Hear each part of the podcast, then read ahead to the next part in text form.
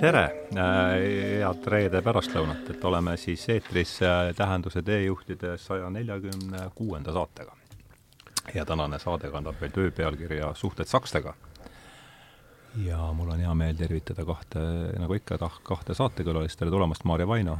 tervist! tere tulemast, Toomas Haug, mõlemad olete esimest korda meil külas. oleme. et olge hea, öelge enda kohta paar sõna sissejuhatuseks ja siis ma juhatan sisse saate, saate teema.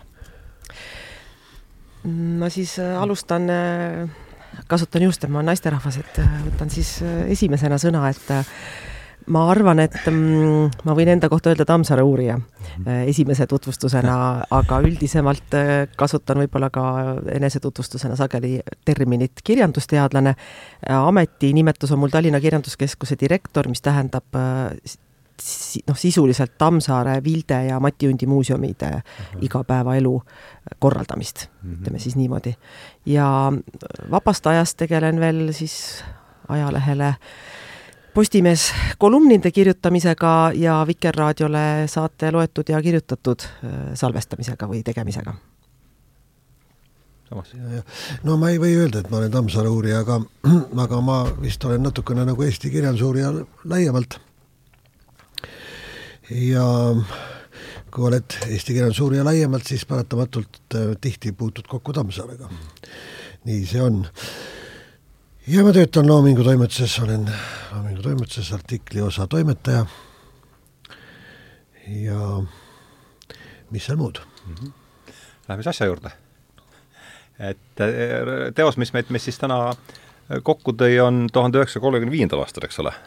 ilmunud äh, Tammsaare viimane romaan see ei ole, see on, kas ta on, eks ole, kõrbu, või see Põrgupõhja on lõpus ja midagi on veel vahel või? Äh, kuningal on külm näidend. ahah, aga romaanidest on see siis eelviimane või? romaanidest on eelviimane, eelviimane, jah ja.. et Ma armastasin sakslast on siis selle romaani nimi, mis meid täna on kokku toonud mm,. ma olen seda lugenud vähemalt kaks korda. nüüd enne saadet ei jõudnud äh, uuesti läbi lugeda, aga küll ma temaga sirvisin siit ja sealt ja hakkas mina ei tea, mis tahes põhjustel hakkas hoopis pihta selline, hakkas külge seega lõik, ma loen selle ette, siis hakkame siit, siis on mingi otsus, kus pihta hakata. Uh, see täht on meie keele rahvuslik uhkus, juttu on siis õuest uh,. seletasin mina. tema kaudu oleme suguluses maailma suurimate ja vägevat, vägevamate rahvastega. kellega nimelt, küsis tema, siis Erika. kas venelaste või inglastegagi, vastasin mina keegi keeleteadlane seletas mulle millalgi, et ainuüksi meie õ, õ-häälikust pidavat järeldama, et meist, meid kas ootab ees, meid kas ootab suur ja hiilgav tulevik või on meil kunagi olnud samasugune minevik. mina muidugi pooldasin tulevikku, keeleteadlane rahuldus minevikugagi, sest tema arvas, et surnud vana kreeklane on rohkem väärt kui mõni kuulsusetu rahvas, kes elab veel tänapäev.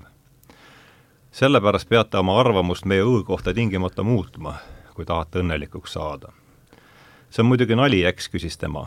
ei, vastasin mina. Te õpiksite palju kergema südamega meie keele ära, kui te omandaksite keeleteadlase veendumuse, kes ütles, et õ-hääliku kaudu oleme suguluses inglaste ja venelastega.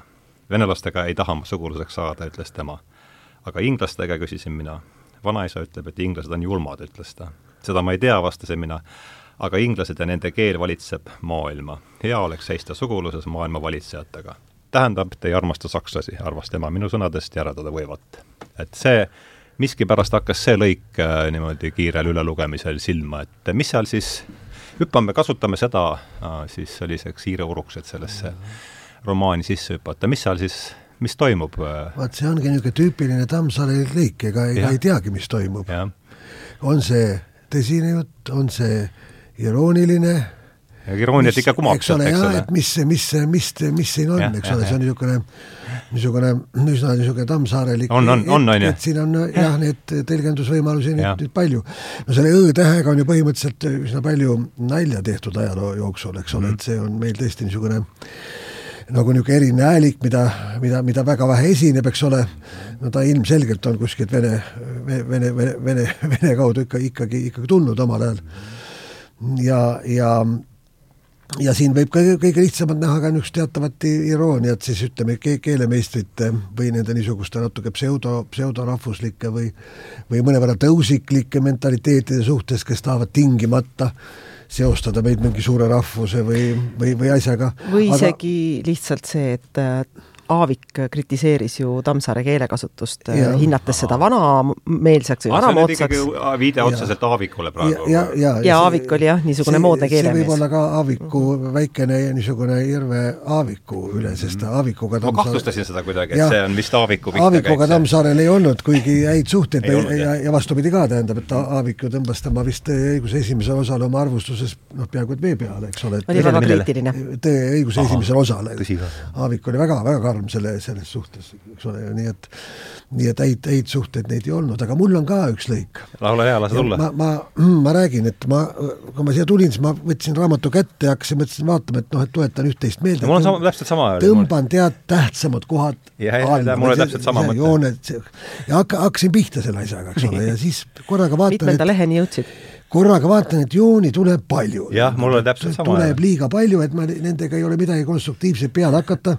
tähtsaid kohti tundub olevat nagu palju. ja siis hakkab veel vaevama see ka, et need kuidagi vahel käivad nad isegi üksteisele vastu, need tähtsad kohad, et tuleks hakata neid kuidagi veel omavahel võrdlema või seletama ja lõin käega, et nii, niiviisi ma vist ei suuda seda asja siin praegu organiseerida.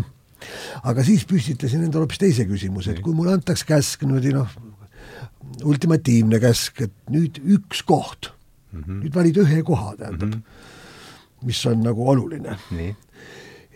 et mis koht see siis on? väga huvitav. jah, ja siis ma valisin, valisin sellise koha. ja ma loen selle ette enam-vähem ja siis ka püüan nagu natukene põhjendada, miks. võttes siis muidugi eelduseks selle, et see üks koht, et ükski, ükski üks koht Tammsaare teoses ei hõlma ja, ja. kogu Tammsaare teost, eks ole, aga et see on lihtsalt üks koht. see on ilmselt Oskari siis peategelase jutustaja niisugune sisemonoloog.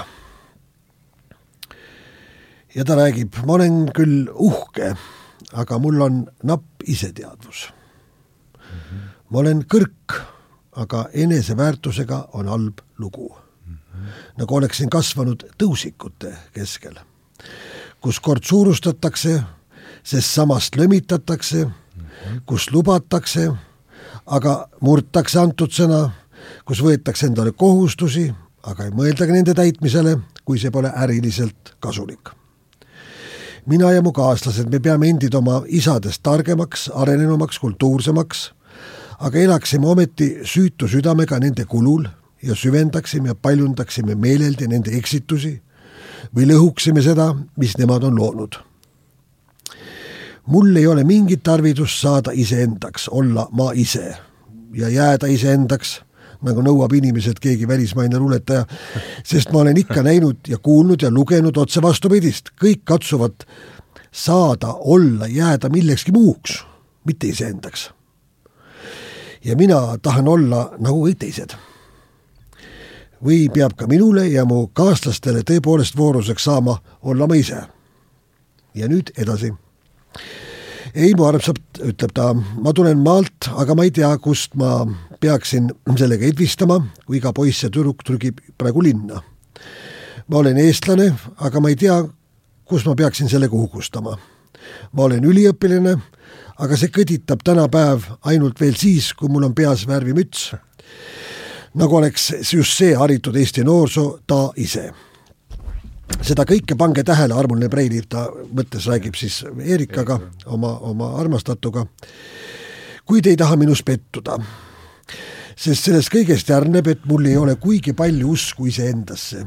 ükski ei või sellesse uskuda, mida tal ei ole ainult kord elus olen ma seda usku tundnud, nüüd on tähtis koht mm. -hmm. ainult kord elus olen ma seda usku tundnud kogu oma ihu ja hingega mm, -hmm. kogu oma südame-verega. ja ühes minuga pidid seda tundma ka teised.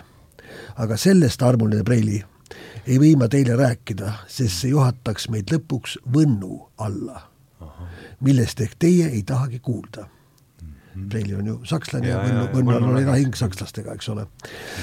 see viiks meid selle eh, sootuks tundmatu meheni, kes meile ütles, vennad, meist igaüks on saanud kahe-kolme kas või kümne venelase vastu, surnud eestlanegi on saanud elava venelase vastu, kas siis elav eestlane ei saa sakslase vastu, kes on surelik? sest polnud midagi, sest polnud midagi, et rääkija ise langes. Meie võitsime, ma ei tea, kas siin on viide Kuperjanovile või mitte,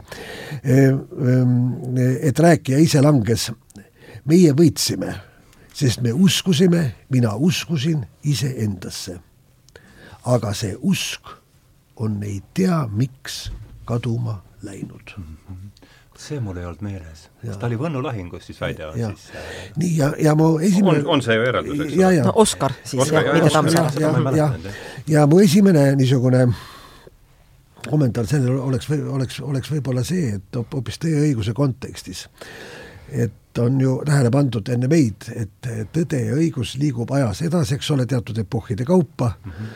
aga jätab täiesti vahele Vabadussõja epohhi. vabariigi loomise, kõik sellega seostuva revolutsioonid, on viienda aasta sündmused ja juba, ja, ja juba on neljandas osas, eks ole, juba täis vabariik möllab, eks ole mm, -hmm. käib seal. Ja, ja, see on minu meelest nüüd niisugune koht, kus esiteks Tammsaare annab äh, hinnangu vabad, väga kõrge hinnangu Vabadussõjale, ta ütleb siin ju väga selgelt, eks ole, et, et see oli see ainus kord, kui me olime, olime meie ise, aga see on kaduma läinud. vaat see on nüüd see, see dramaatika, tähendab, mis minu meelest on üks niisugune dramaatika, mis seda teost tegelikult kannab. see, see nentimine, et millegipärast ei ole suudetud pärast vabariigi loomist, eks ole, nii-öelda tasemel, tasemel püsida. Sest usk endasse on nõrk, tõusiklik mentaliteet no tegelikult äh, mm. -hmm. kas ma küsin vahele, kas see on mhm. kolmekümne viie, kas see on, romaani tegevus on kolmekümnendad aastad? kolmekümnendad, jah, kolmekümnendad, jah. Ja. ma tahtsin öelda, et tegelikult äh, mõnes mõttes arendab see, ma armastasin sakslast edasi ikkagi Tammsaare esimest romaani Kõrboja peremees, mille Aha, äh, ilmumisest ju tänavu möödub sada aastat, ilmus mhm. tuhat üheksasada kakskümmend kaks ja seal äh, algatab Tammsaare ju need teemad, mida ta mõnes mõttes omakorda laiemalt ja panoraamsemalt äh, kirjeldab ära Tõe ja õiguse siis esimeses osas Vargamäe Andrese ja Pearu vastasseisuna, aga see oluline mitte ei olegi see vastasseis, mis seal alati Tõe ja õiguse esimese osa puhul ilmsiks tuleb või äh, mida alati näiteks tuuakse, vaid oluline on peremehe teema, mis on Kõrboja peremehe keskne teema mm -hmm. ja muidugi Kõrboja peremeest võib käsitleda ilusa traagilise armastusloona, seal on väga palju viiteid Tammsaare autobiograafiale tegelikult, ja nii edasi, seal on ka selliseid väga huvitavaid piibellikke alltekste, aga üks oluline sõnum, mida Tammsaare ise selle romaaniga rõhutas, oli just see, et Kõrboja peremees ei ole romaan katkuviljust, vaid tegelikult on see romaan sellest väikesest viljust, kellega mm -hmm. romaan lõpeb. Ja et, et see Kõrboja talu äh, millest äh, kogu romaani vältel jutt käib ja mis on laokile jäänud talu, sest et tal ei ole peremeest, kuna peremees on surnud, äh, seda on pidanud talu päranduseks saanud Kõrboja Rein, kes on käinud ainult ringi ja unistanud, elanud sellises nii-öelda kujuteldavas kõrbojas, mitte tahtnud näha seda, kuidas asjad päriselt on, ja, ja et see peremees tuleb sellele talule alles kasvatada ja et see Kõrboja talu selles kontekstis on nagu niisugune äh, noh, Eesti mudel. Äh, ja et ka Eesti on olnud siis miski, mis on olnud kogu aeg äh, noh, keegi teine on olnud, no ühesõnaga tal pole olnud nagu oma peremeest, et keegi ei ole siin mõelnud peremehelikult. ja et need inimesed, kes seal on talitanud, ei ole ka osanud mõelda nagu peremehed. ehk siis selle vastloodud vabariigi kontekstis leidis Tammsaare, et me peame endale kasvatama need noored, kes sünnivad, me peame nendest kasvatama peremehed, kes, nemad on sündinud vabas riigis, nemad peavad oskama mõelda vabade inimestena, peremeestena, kes mm -hmm. mõtlevad ka äh, ütleme siis vastutustundlikult äh, kuidagi sellise pikema mm -hmm. nägemusega, nagu see talupoeglik mõtlemine on, ja ja see kahekümne teisel aastal ilmunud romaan oli tegelikult selles mõttes väga lootusrikas, et see romaani lõpp on ju väga lootusrikas, et, et ilmub see väike Villu, ilmub Me kasvatame peremehe kõrbu ja taluga saab kõik korda, eks ole. ja, ja nüüd selles Oscaris lüüasaamise tunnustus. ja selles, jah, ja selles Oscaris on tegelikult mõnes mõttes nüüd see väike Villu, äh, kes on äh, läinud hoopis sealt talust ära linna äh, ja, ja kaotanud nagu ühenduse oma nende juurtega. et, et selle Oscari suur probleem on ju juurtetuse probleem, et ta kogu aeg leiab, et ta on kahe maailma vahel mm, -hmm. et ta ei tunne enam äh, ühendust selle äh, talu maailmaga, äh, mida siis Tammsaare kirjeldab, eks ole, seal Kõrboja peremehes ja Tõeõiguse esimeses osas, mm, aga ta ei tunne ju mingit ühendust ka tegelikult selle uue linnakultuuriga, sest et eestlased ei ole veel üldse li-, noh, normaalselt ütleme, nad ei ole veel linnastunud, mõnes mõttes ei olnud me linnastunud veel hiljemgi, et ütleme, Mati Undi Sügispall on ju romaan sellest, kuidas talurahvas pandi linna elama ja Aha. kuidas neid tabas seal täielik eksistentsiaalne äng. Eh, rääkimata siis sellisest kolmekümnendate aastate linnakodanikust, et nad ei oska linnas elada, nad ei oska selle moodsa maailmaga mitte midagi peale hakata, aga nad ei oska enam ka selle endise maailmaga midagi peale hakata. nii et see, see ei ole mitte ainult äh, rahvuse kriis, vaid see ongi nagu selline sügavam eksistentsiaalne kriis, mida, mida Tammsaare selle Oscari tegelaskujuga kirjeldab ja eks ta tahabki öelda seda, et, et tuleb see noh, iseenda äh, ütleme, selline äh, tüvi või, või enda mingi algosa äh, uuesti üles leida. et kus see siis asub, kuskil ta ju peab olema, kuhu see ankur kinnitada.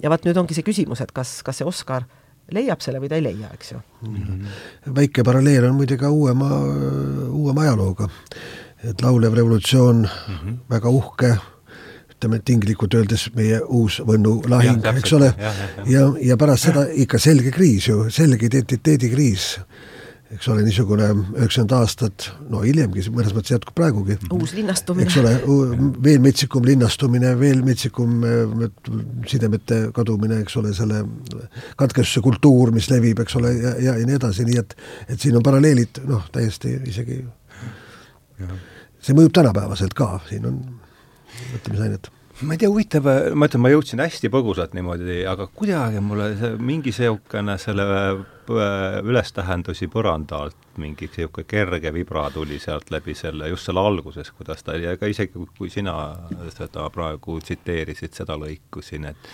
et noh, see Dostojevski mõju, eks ole, Tammsaarele, sellest on ju räägitud üht ja teistpidi, aga kuidagi mul see, just see ülestähendused põranda alt nagu mingi niisugune no, vibra, vibra tuli see, ma ei tea, kuidas teil äh, päris palju on tegelikult paralleele toodud äh, pigem selle vene kirjanduses laiemalt levinud äh, noh, nii-öelda üleliigse inimesega. et, no eks see on ka, läheb otsapidi sinna jah, just, just, et, et seda üle... pole mitte ainult Dostojevskil, vaid seda on ju teistel mi-, mi-, noh, mi-, õige mitmel kirjanikul, et et see noh, Oskar ei tunne ka, et just nimelt, et, et ta ei saa aru, kuhu ta siis õieti kuulub, et, et, et, et ta ei äh, et ta kirjeldab päris hästi ju seda, et, et nad on arvanud, et ja mis jällegi väga otseselt me võime võtta nagu selle paralleeli isegi nagu tänapäevaga, et kui sa võtad omaks mingisugusedki teiste vaated, teiste moodsad ideoloogiad, moodsad riided, kõik moodsa käitumis noh, süsteemi, et, et siis sa Äh, oledki selles uues maailmas, et siis sa oledki see.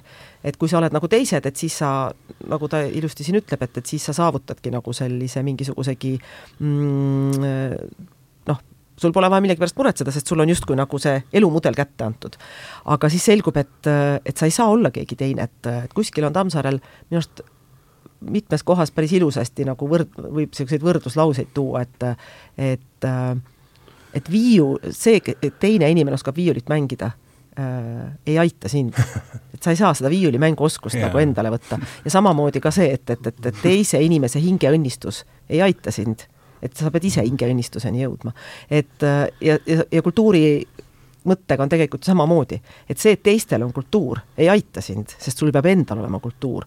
ja, ja seda on Tammsaare minu meelest üritanud selle, ma armastasin sakslasega, öelda, et meil on see kultuur tegelikult ütleb ju Oskarile see vana mõisnik mm. seda, et, et teil ju on see tegelikult. miks te, miks te meie kultuuri tahate seda ma lugesin ka, jah. ja, ja, ja, ja seda kirjutab Tammsaare oma kolmekümnendate aastate publitsistikast äh, ikka nagu ikka ja jälle üha uuesti ja uuesti, et ähm,, et et see, meil on see olemas, et miks me tahame olla kogu aeg nagu teised et miks me seda enda asja nagu häbeneme.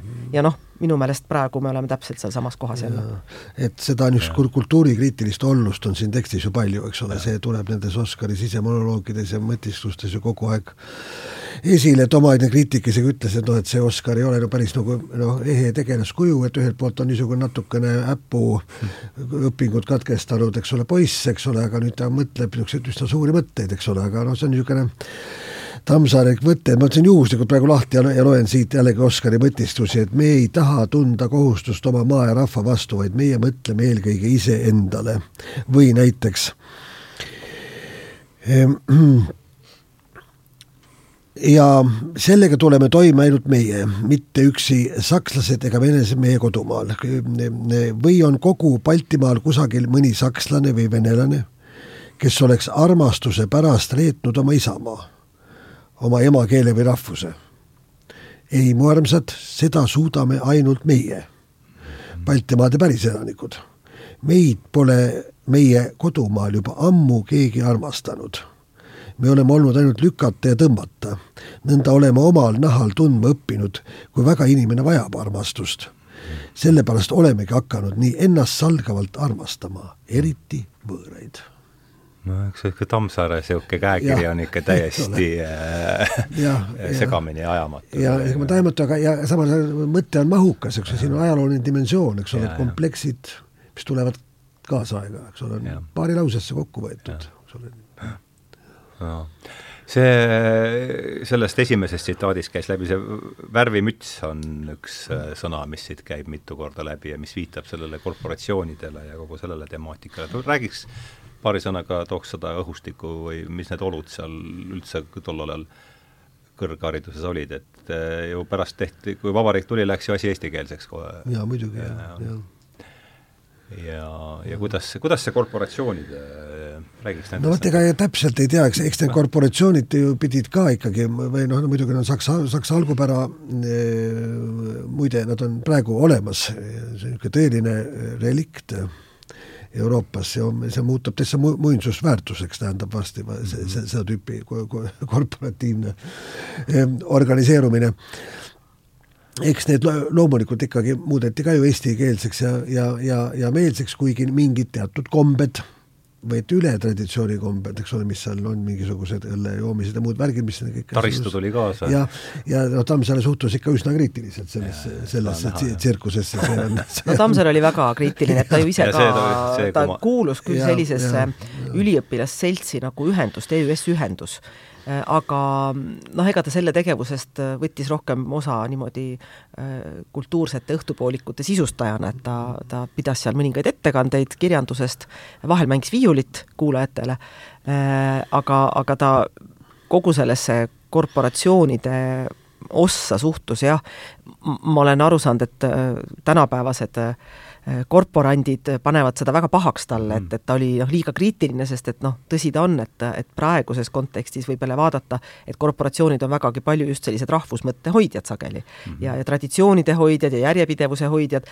ja neile tundub see Tammsaare hinnang äh, väga ülekohtune. Mm. aga Tammsaare nägi nendes korporatsioonides just seda, et nüüd nagu need noh, matsid püüavad noh, iga hinna eest vurlestuda seeläbi, et nad panevad selle võõra mütsi pähe, joovad sakslase moodi õlut ja mõtlevad, et neil on nüüd ka oma nagu peenkultuur. et ta noh, nägi lihtsalt seda nagu noh, seda oli kuidagi temal nagu selle poole pealt piinlik vaadata jäi kõrvale, äh, kõrva, ma ei teadnud seda varem võib-olla teemaga nii kursis, et mis te, Aavik selle Tõe ja õiguse esimese, mis tal, mis talle ei istunud seal lihtsalt kõrva, see jäi seni kuuldust, seni kuuldus kõrva? No talle ei meeldinud põhimõtteliselt Tamm, Tammsaare stiil. et ta leidis, et Tammsaare stiil on lohisev, et ta kasutab vanu keelendeid, no ta kasutab ju tegelikult äh, seal ju, Pearu räägib ju murdes ja ja, ja, ja, ja kogu see esimese osa niisugune mm, no ütleme, keelerütmistik meenutab ju natuke sellist vanatestamentlikku keelekasutust ja ma ütleks, et see oli Tammsaarel osalt isegi nagu taotluslik, sellepärast et äh, Tõe õiguse esimene osa on noh, viiteid noh, Vanale ja Uuele Testamendile on seal nagu väga palju ja, ja ka tema lugejale oli piibli teksti lugemine ju tuttav. et mm -hmm. see oli võib-olla paljudele peaaegu et ainus tekst, millega nad igapühapäevaselt kokku puutusid. nii et, ähm, et ta tundus Aavikule vanameelne, kes tahtis juurutada, eks ju, väga, väga teistsugust keelt, osalt tema enda välja mõeldud, osalt Soome eeskujul võetud sõnavara. Ja, ja näiteks lihtsalt huvitava paralleelina, et näiteks Eduard Vilde, kes oli ju Tammsaarest vanem, mm, oli väga avatud Aaviku keeleuuendusele. et ta võttis mitmeid Aaviku keeleuuendeid oma loomingus kasutusele ja, ja sai Aavikuga täitsa hästi läbi, nii et, et, et see, see ei olnud isegi otseselt põlvkondlik konflikt. et pigem oleks võinud ju eeldada, et, et Vilde ja Aaviku vahel on põlvkondlik konflikt, aga mis aastal Aavik on sündinud umbes? Ta oli seal, äh, nüüd jääme küll vastuse võlgu, tuhat no ta on no, nooreestlastega enam-vähem ühevanune, jah. ta siis on kusagil jaa, me võime kohe guugeldada, tal oli hiljuti oli siin üheksateistkümnenda äh, lõpuga, kaheksakümmend millegagi Tammsaarega enam-vähem siis, Tammsaar on seitsekümmend kaheksa või? Tammsaarest noorem ikkagi. Tammsaarest natuke noorem peaks olema, jah. ta on, on Tammsaar seitsekümmend kaheksa sündinud? Tammsaar on see, jaa, aga Aavik oli ikkagi hiljem. hiljem, jah. -hmm. No nüüd mõned aastad tagasi oli minu arust Aavik sada kakskümmend või sada kakskümmend viis, aga, aga vot praegu ja. ei ütle peast ära mm. -hmm. aga kena, vaatame, sada kakskümmend, tuhat üheksasada kakskümmend kaks on Kõrbe peremees, eks, siis tuleb, kas Särmine ongi tõde, tõde? tõeõiguse esimene osa. ja see on kakskümmend kuus, kuus, jah, ja, ja, ja viimane osa on? kolmkümmend kolm ilmus viies osa. ahah ja sinna vahele jääb siis Elu ja armastus veel või? ei, Elu ja armastus tuleb pärast Elu..., et äh, ühesõnaga kahekümne kuuendal aastal ilmub esimene osa, kakskümmend üheksa ilmub teine osa, äh, kolmkümmend üks ilmub kolmas osa, kolmkümmend kaks neljas osa ja kolmkümmend kolm viies osa. ei, ma mõtlesin, et jah, et tõe ja õiguse mm -hmm. ja siis sakslase vahele jääb ja, ja tõe, just, ja mm -hmm. siis, et selles mõttes um, üks võimalus seda Ma armastasin sakslast vaadata on muidugi osana sellisest äh, nii-öelda Tammsaare armastuse triloogiast, milleks on äh, Tõe ja õiguse neljas osa, mis ilmus siis kolmekümne teisel aastal, kus on mhm. siis Indreku ja Kaarini armastus on tegelikult Aha. ja elu, õnn ja armastus on ju keskne teema. ja, ja teine äh, on siis Elu ja armastus, mis ilmus tuhat üheksasada kolmkümmend neli, kus on keskne teema siis Rudolfi ja Irma äh, abielu ja armastuse mm -hmm temaatika, ikkagi armastus on kesksel kohal selles romaanis.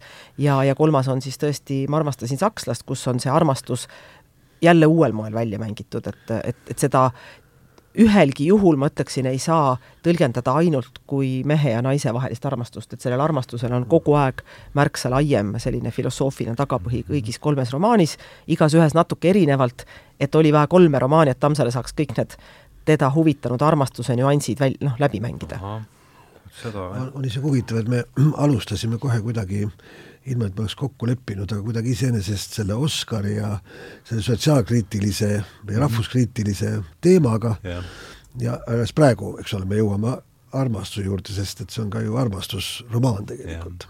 jah, on küll nii, jah. sellest on muidugi raskem rääkida, peab ütlema. jah Maarja oskab ehk paremini no ja vaatame sulle otsa äh, jaa, ma siin vahepeal äh, üritasin vaadata, kas ma saan Aaviku sünniaasta leida, aga, aga ma kahjuks ei saa, sest mul ei ole arvutil internetti ah,. ma vaatan kohe järgi. jaa, see mm, jah, ma ütleks, et kui nüüd Tammsaare armastuse juurde minna, siis me läheme lõpuks muidugi sellest Ma armastasin sakslast raamatust natuke kaugemale, sest et aga see on huvitav teema, vaatame Tammsaare armastust. aga, aga see, see on väga huvitav teema, sest ma arvan, et Tammsaare on Eesti kirjanduses äh, üldse kõige rohkem armastuse üle mõelnud kirjanik.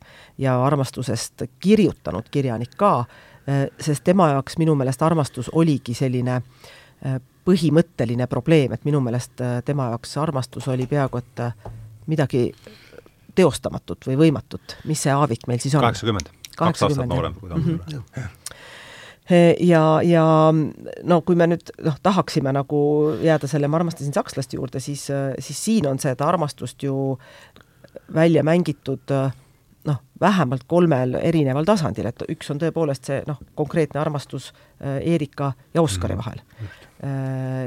Noh, teine on tõepoolest selle armastuse mingisugunegi selline sotsiaalne tasand, Äh, mis mingil määral Tammsaaret huvitas, mm, aga ma ütleksin, et mitte, mitte määraval moel, et, et võib-olla seda natuke, seda klassivahet on siin võib-olla natuke liiga palju, liiga palju nagu rõhutatud.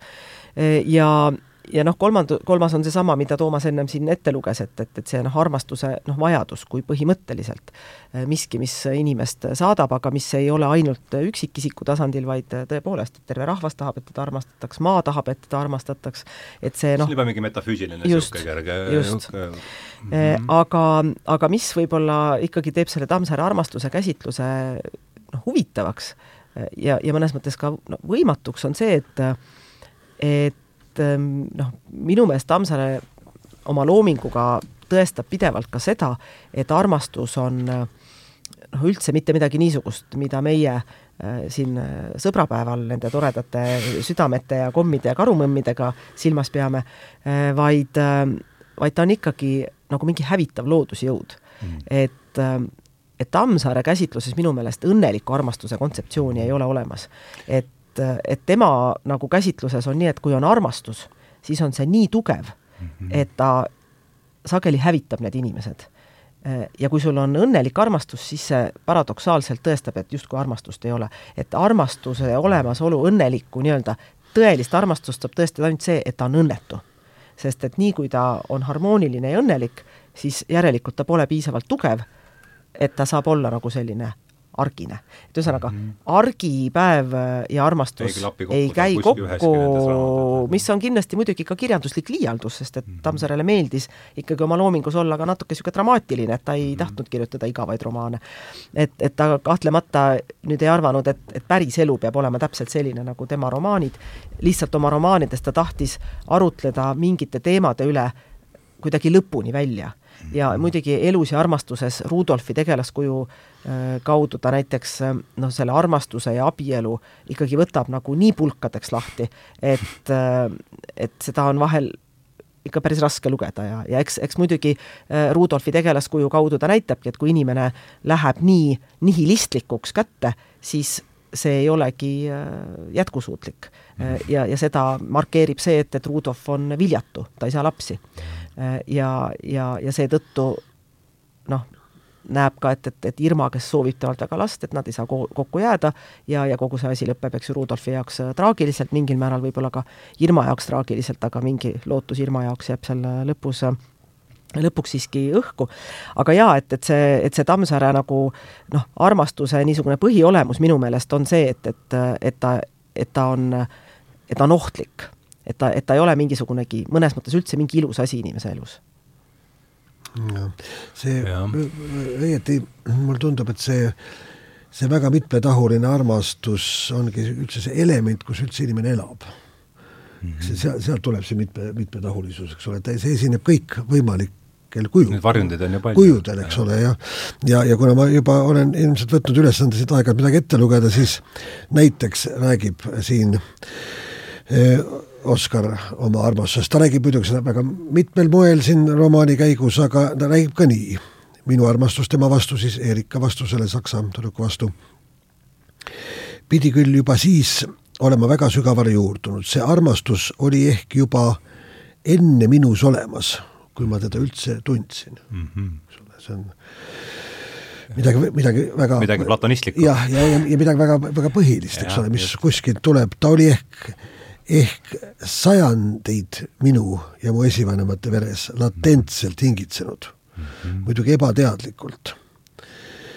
sajandid põlevat viha, jumaldavat imetlust ja leekivat armastust, siin on kõik see stihhi on ju kokku võetud, eks ole, ühes lauses on armastus ja viha, sageli on ühes lauses armastus ja surm. kuidas see oli, imetlus oli seal ka või? jah, imetlus ka, jah. aga siit ja. tuleb muidugi minu arust ka väga hästi välja see küsimus, et, et mida Tammsaar ikkagi mõtles ja. selle romaani pealkirjaga. et automaatselt arvatakse, et, et see on, et, et Oskar, et, et peetakse silmas seda, et Oskar armastas Eerikat mm. -hmm. aga võib-olla armastas Oskar hoopis Eerika vanaisa. no see käi jah, see, see, see küll põgusal ülelugemisel jäi silma. et, et, et sest, et ta ju Eerikaga talitades arve, noh, seda ütleb Eerika talle ka, et, et, et sa ju noh mm, -hmm. et mulle tundub, et sa armastad mu vanaisa rohkem kui mind. ja, mm -hmm. ja, ja see mõnes mõttes paneb ju Oskari mõtlema, ta, ei ole sellega päriselt nõus, sest et talle tundub, et et ta tahab käituda Eerika suhtes ju noh, ausalt või et ta ei taha mhm. talle liiga teha, et, et sellepärast ta käitub nii. muidu, vabandust, muidugi Tammsaarel iseloomulikult laseb Tammsaare siiski ka Oskarile, Eerikale öelda, et sa armastad oma vanaisa rohkem kui mind jaa, ühesõnaga, mõlemad armastavad seda vana mõisnikku rohkem kui, et, et, et aga et, et samal ajal tõepoolest ikkagi äh, Oskar tunneb, et ta on selle vanaisa ees nagu aruandekohuslane, et, et ta peab mm, -hmm. ta ei taha selle vanaisa ees häppi jääda. et see on, et see on nagu kindlasti taotluslik ja see on suur probleem, kui seda romaani tõlkida, sellepärast et äh, meie keel on ju selline haruldane sooneutraalne keel. et, et meie võime öelda, et ma armastasin sakslast, aga aga kuidas sa selle kohe saksa keelde tõlgid, sa pead kohe panema selle, et kas sa armastasid seda naissoost sakslast või meessoost sakslast. ja muidugi, kui ja... panna meessoost sakslast, oleks juba väga moodne. ja kui panna see, kui tekib sinna sugu, eks ole, sellesse sõnasse, siis äh, kitseneb silmapilk sealt.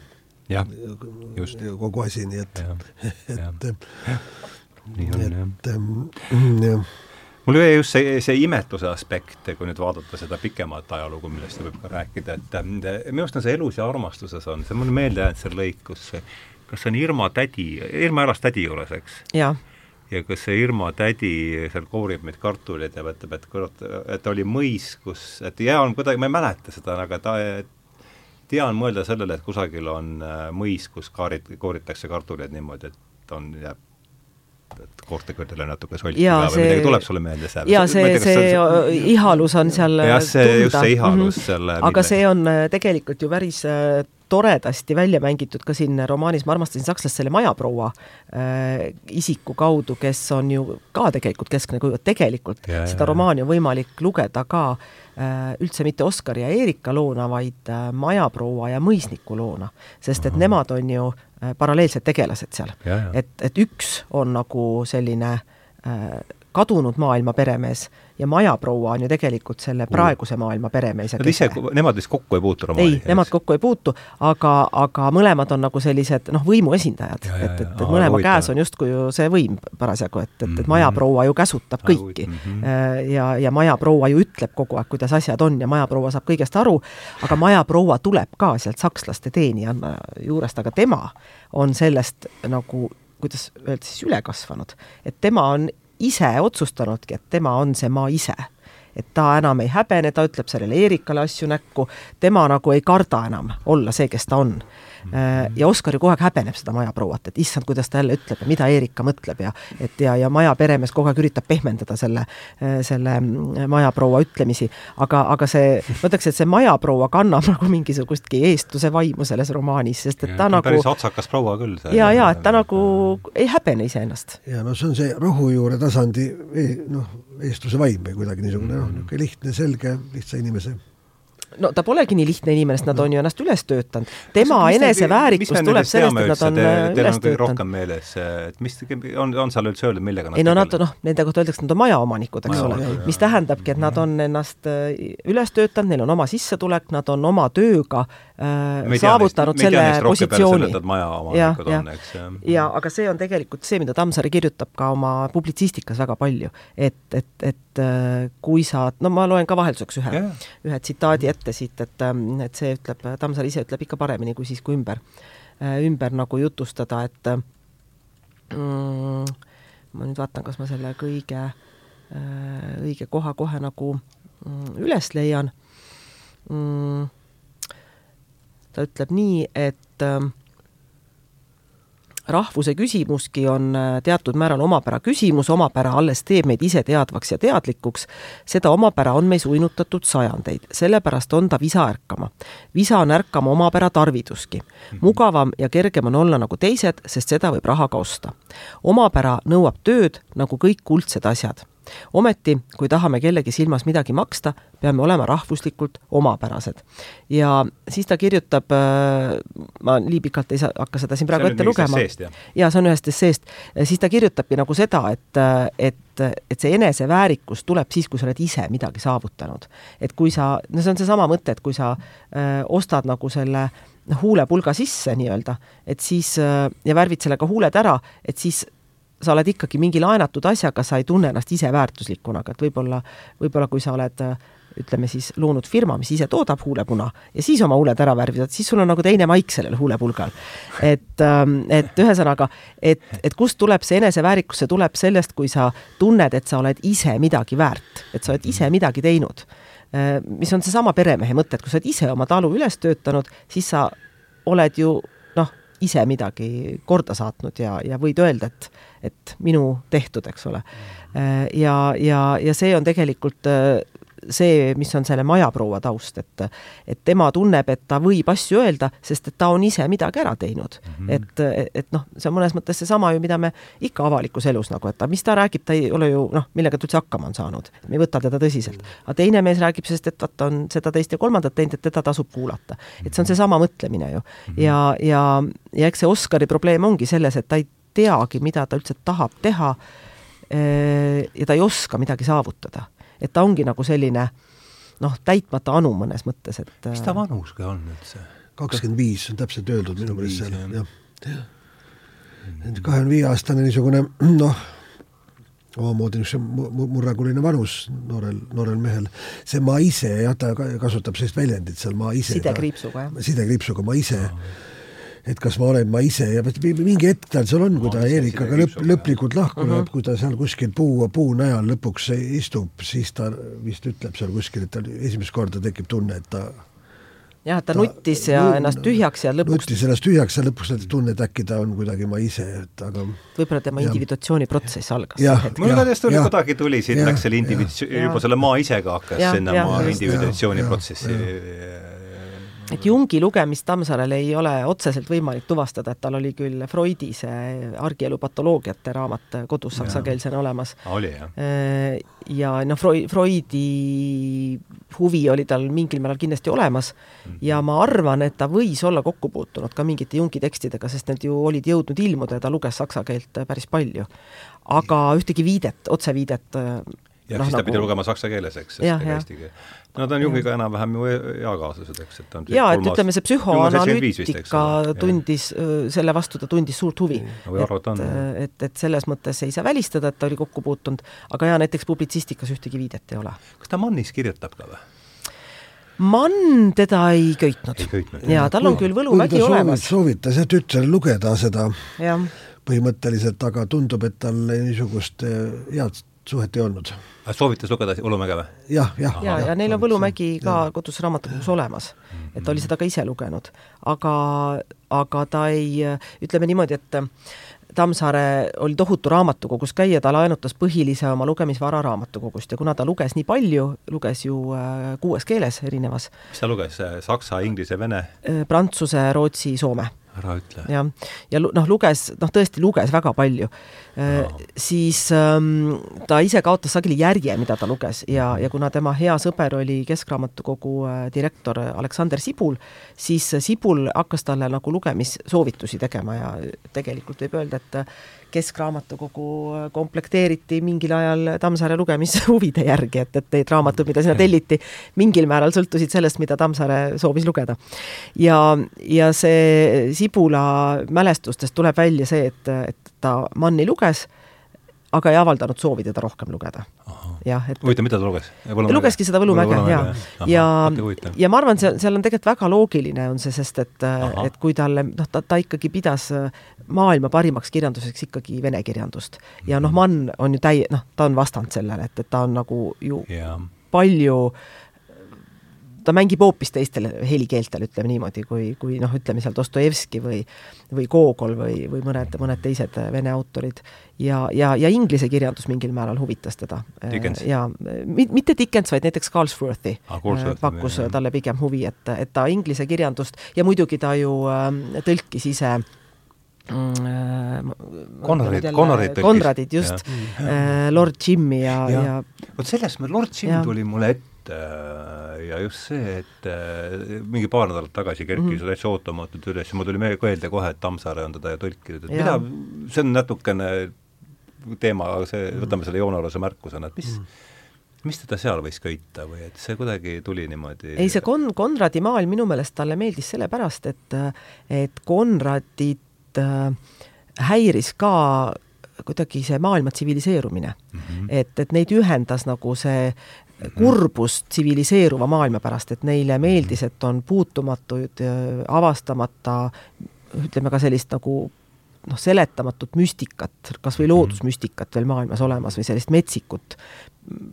loodust ja metsikuid rahvaid ja ja, ja see, see, kuidas maailm ka ikkagi tol ajal väga kiiresti, noh, meile praegu tundub, et, et kõik toimub väga kiiresti, aga ka tol ajal tundus inimestele, et, et kõik toimub väga, väga kiiresti, maailm tsiviliseerub meeletu kiiruga ja ja ma ütleks, et jah, et Konradit ja Tammsaart ühendas see kurbus mõnes mõttes selle tsiviliseerumisprotsessi mhm. pärast. tsiviliseerumise kiirus ja see see algab juba kuskil enne esimest maailmasõda, eks ole, see, see murrang ja, ja, ja nii edasi ja, ja muide, ta laseb muuhulgas sellel eh, Saksa, vanal Saksa mõisnikul öelda, et eh, sel, sel, sel samal teemal, et, et vaimu, vaimu on palju, et aga et vaim, vaim ainult, vaim on ju see, mis arvestab, aga kuidas jääb hingega eks ole, see on nüüd see põhimõtteline küsimus. see on seal sees, jah, jah, jah. seda sa pärast saaksid selle lehe, see sobiks praegu hästi. ikka saab jah, jah, mhm. jah. Ja aga siin vahepeal jooksis see Freud või kuidagi läbi või see alateadvus ja, ja et Tammsaar on kindlasti see nagu mängib tema teostes, aga mul on tunne, et ei olnud piisavalt no niisugust soodsat pinnast no retseptsioonis, et see ei olnud juurdunud Eestis veel, no need mõt-, mõtteviisid, need freudistlikud ju, jungiaanlikud mõtteviisid ei olnud ega Freudi polnud eesti keeles tol ajal ju midagi või? mingisuguseid referaate oli muidugi. referaat ja, oli, jah. jah, et üldiselt teati, aga see ei olnud nagu niisugune noh, see oli natukene siiski, siiski kõrvaline asi. ja arvustustes, kui, kui vaadata see arvustajate sõnakasutuses seda mõistekasutuses seda ala, alateadvuse momenti on, on väga vähe mm. -hmm. aga ma vaatasin enne siia tulekut kiiresti läbi mõned arvustused, mis sellele Tammsaare teosele on ilmunud ja peab ütlema, et neli-viis arvustust. Ja peab ütlema, et need olid kõik niisugused võrdlemisi puised ja, ja natuke, natuke niisugused nurisevad ja, ja, ja seal heideti ette talle seda, et ikkagi need tegelaskujud, et esiteks äh, Erika ei ole üldse tüüpiline saksa tüdruk. no me peame ses mõttes neid uskuma, neid omaaegseid arvustajaid, küllap nemad ju teadsid, missugune tüüpiline, paremini kui meie, eks ole, missugune oli tollal tüüpiline saksa tüdruk Eestis. et Erika oli tüüpiline saksa tüdruk ja et Oskar on ikkagi ka niisugune juba natukene ajast maas, et võib-olla need niisugused tüübid olid natuke niisugused laokil, laokil tüübid, aga no nüüd ikka asi, asjad lähevad paremaks või niimoodi, et on nagu liialdus ja, ja et noh, et armastuslugu on noh, natuke nii, natuke liiga sentimentaalne ja, ja ühesõnaga niisugust nurisemist oli, oli selle asja ümber palju ja mul on tunne, et et seda, sellega varjati ka võib-olla noh, teatavat niisugust piinlikkust või noh, see on ikka tugevalt ju enesekriitiline või rahvuskriitiline teos, eks ole, tegelikult. aga teatava erandina torkas mulle silma Hugo Raudsepa uh -huh käsitlus, millest ma võtsin siin mõned ähm, laused välja ja mis, ähm, mis ähm, ei, ei käsitle noh, Tammsaare te teost niisuguse noh, natuke nürimeelse realistliku vaatega. Äh, ta ka mainib natukene kõiki neid asju, mida ma praegu mainisin, et seal võib-olla on mingid noh, niisugused natuke niisugused liialdused ja, ja nii edasi, aga siis jõuab sellise, selliste mõteteni et kõigest hoolimata Tammsaare teostel on samal ajal mingi salapärane seletamatu võlu mm, -hmm. mille lähema määratlemisega arvustaja satub täiesti abitusse olekusse. täiesti nõus. see on ikka ilus, ilus tu-, ülestunnistus, eks ole. salapärane ja mis ta ütles? seletamatu, salapärane seletamatu võlu mm, -hmm. mille lähema määratlemisega arvustaja satub abitusse olekusse edasi veel, Tammsaare toetub tugevasti bioloogilistele tõsiasjadele, kuid oskab sellele realismile anda luulelist ilu ja hingelist sära, mis teeb mõned tema romantilised stseenid võrratuks. Tammsaar on sündinud sügavuspsühholoog, nagu, nagu Raudsepp ütleb, kes teadvuse kirme all ja nüüd, nüüd tuleb, tajub alateadvuse käärimisi teadvuse kirma. üks väheseid kohti, mhm. kus nüüd sellist aspekti nagu arvustaja järsku näeb ja seda alateadvuse, alateadvuse sõna kasutab siin, seda mõistet. ja veel ütleb ta, et Tammsaare romaanide paljupalgelisust ei saa ühegi valemiga tabada sest peame jälgima kõiki võimalikke teisendeid, vaat seesama tunne tekkis mul siis, kui ma hakkasin neid tähtsaid kohti mm -hmm. jo välja joonima, eks ole, siin, siin yeah. palju palgelisus tuleb kohe ilmsiks ja sa ei saa niisama lihtsalt et nüüd joonin ära ja räägin ära, mis siin kõige tähtsamat oli, eks ole. ei püsi ka paigal nagu hästi. ei püsi paigal jah, et jah aga selle romaani, noh, tegelikult selle natuke pahura retseptsiooni taustaks võib öelda seda, et Tammsaare talle omaselt keeras selle romaaniga pea peale õige mitu üleskutset, mis oli tehtud, et mis olid pea... päevapoliitilised, äh, sellest võiks ju ka rääkida, eks, et mis see poliitiline taust üldse et oli? üks oli see, et erinevad naisorganisatsioonid olid juba aasta varem äh, teinud üleskutse, et Eesti kirjanduses äh, ei kujutata naisi piisavalt hästi et mm. tuleks luua positiivne naistegelane või ühesõnaga naistest hästi kirjutada. et selline üleskutse oli luua häid äh, naiskaraktereid, äh, positiivseid. ja teiseks oli siis äh, raamatuaasta puhul omakorda tehtud üleskutse kujutada just nimelt üliõpilasi positiivselt. ja ilmselt noh, Tammsaarele käisid sellised üleskutsed nagu väga närvidele, ta kirjutas mitu artiklit, kus ta üle pealkiri oligi positiivsest ja negatiivsest ilukirjanduses. see kõlab nagu, et rohkem sotsialismi. no enam-vähem jah, et, et ta leidis ka, et kontekstis on see. et nüüd nagu hakake hästi naisi kujutama, ütlebki, et aga et selleks, et hästi naisi kujutada, peavad need head naised olema, eks ju, kuskil, et no ühesõnaga. ja, ja minu meelest selle romaaniga ta nüüd äh, annab sellised nagu kolm, ütleme siis ikkagi noh, kerget kõrvakiilu nendele üleskutsujatele, et, et kes esimene... need põhilised üleskutsujad seal siis Need olid? olid väga erinevad organisatsioonid, et seal ei olnudki nagu otseselt nimeliselt ei saa öelda, et kes -hmm. nüüd nimeliselt üles kutsus, et, et olidki sellised ühiskondlikud hoovused, ütleme siis mm -hmm. nii Mm, ja, ja esimene oligi see, et, positiivne naistegelane on siis noh, baltisakslane, see Erika võib-olla üleüldse, kes, kes siis või, või selline nagu jutukas majaproua, et need ei olnud kindlasti tegelased, keda arvati, et peaksid positiivsed või noh, nagu nai-, naistegelased kuidagiviisi, et naisi peaks just niimoodi kujutama, siis üliõpilane ei ole positiivne kangelane, vaid vastupidi, on kujutatud äh, pigem nõrga, kõhklevana, noh, kõikide meie selliste rahvuslike kriiside sellise koondkujuna. ja, ja mõisnik on siis nagu kõige positiivsem tegelane, mis käis, ma arvan, kõige ja. rohkem arvustajatele närvidele, sest Balti sakslasi kolmekümnendate aastate eesti kirjanduses üldiselt kujutati ikkagi pigem negatiivsete tegelastena. ja siia kõrvale on äh, päris huvitav võtta võrdluseks ka aasta varem ilmunud Oskar Lutsu teos Vaikne nurgake, mis on äh, tegelikult selle Ma armastasin sakslast äh, peegelteos, õieti tuleks öelda vastupidi, et Ma armastasin sakslast on Oskar Lutsu Vaikse nurgakese omamoodi peegelteos. ma arvan, et ta reageeris sellele romaanile, sest et, et see põhistruktuur on täpselt sama, et seal on nagu niisugune noh, on see jutustus või mis see see on niisugune romaan ka ikkagi, jah. ja seal on baltisakslased muidugi eranditult väga negatiivsed tegelased ja Luts ju üldse vihkas baltisakslasi, et tema kujutas sakslasi alati väga negatiivselt ju alates kevadest ja, ja, ja ta ei, ta ei taganenud sellest. aga, aga nüüd see jah, Tammsaare Tammsaare mõnes mõttes kirjeldab väga sarnast olukorda, kus on siis samamoodi kostiline seal kuskil üüritoas ja, ja tekib armulugu ja ühesõnaga need tegelastüübid ja kogu situatsioon on kahes romaanis nagu väga sarnane, ainult et, et Tammsaare kujutab seda kõike nagu täiesti erinevalt ja ütleme siis jah, võib-olla tolleaegsele lugejale häirivalt, mis kindlasti oli tema taotlus. kuidas nad omavahel klappisid ka, kas nad üldse, Luts ja Tammsaare said nad üldse ei, nad puutusid kokku küll mõned korrad, aga mõlemad olid tagasihoidlikud mehed. Mm -hmm., noh, Luts võttis palju napsi, Tammsaare ei joonud üldse, et ega noh, neil mingit, üks elas Tartus, teine Tallinnas, et nad mõned korrad kohtusid, aga ega seal mingit nagu südamesõprust kindlasti, Tammsaare ei suhelnud üldse praktiliselt teiste kirjanikega eriti lähedaselt. Mm. -hmm. et tal olid, sõbrad olid nagu juristid ennekõike. Ja sest ta õppis ju õigusteadust. Mm. -hmm Tartu Ülikoolis ja tema sõbrad jäid talle sellest ajast põhiliselt. eks ta hoidis ikka omaette vist nii vähe, kui mina tast olen äh, aru saanud ja,. jah, jah, et tal olid oma kindlad sõbrad, kellega ta läbi käis, nendega ta oli olnud ikkagi väga jutukas ja joviaalne ja, ja niisugune seltskonna hing ja naljamees. tõsi ka või? jah aga, aga avalikkusele seda... oli jah, selline suletud. ei olnud ju ka Kirjanike Liidu liige üldsegi Tammsaare. ja sinna ta võeti ju. no ta võeti, aga ta ja siis hiljem visati välja, sest ta ei maksnud liikmemaksu. kukkus sealt välja, sest ta ei maksnud liikmemaksu, mis tegelikult näitas seda, ta ei mis, mis, mis aastal see võis olla? Eh, aastat täpselt, kas ma no, oskan öelda, millal ta kustutati, aga kolmekümnendatel pigem või? aga, aga noh, see liikmemaksu mittemaksmine näitas seda, et ta no ta ei läinud korda see asi. et ei läinud korda see asi jah, et no et, jah liit noh, loodi ise kakskümmend kaks, nii et noh, kohe, kohe ilmselt ja, välja ei visatud.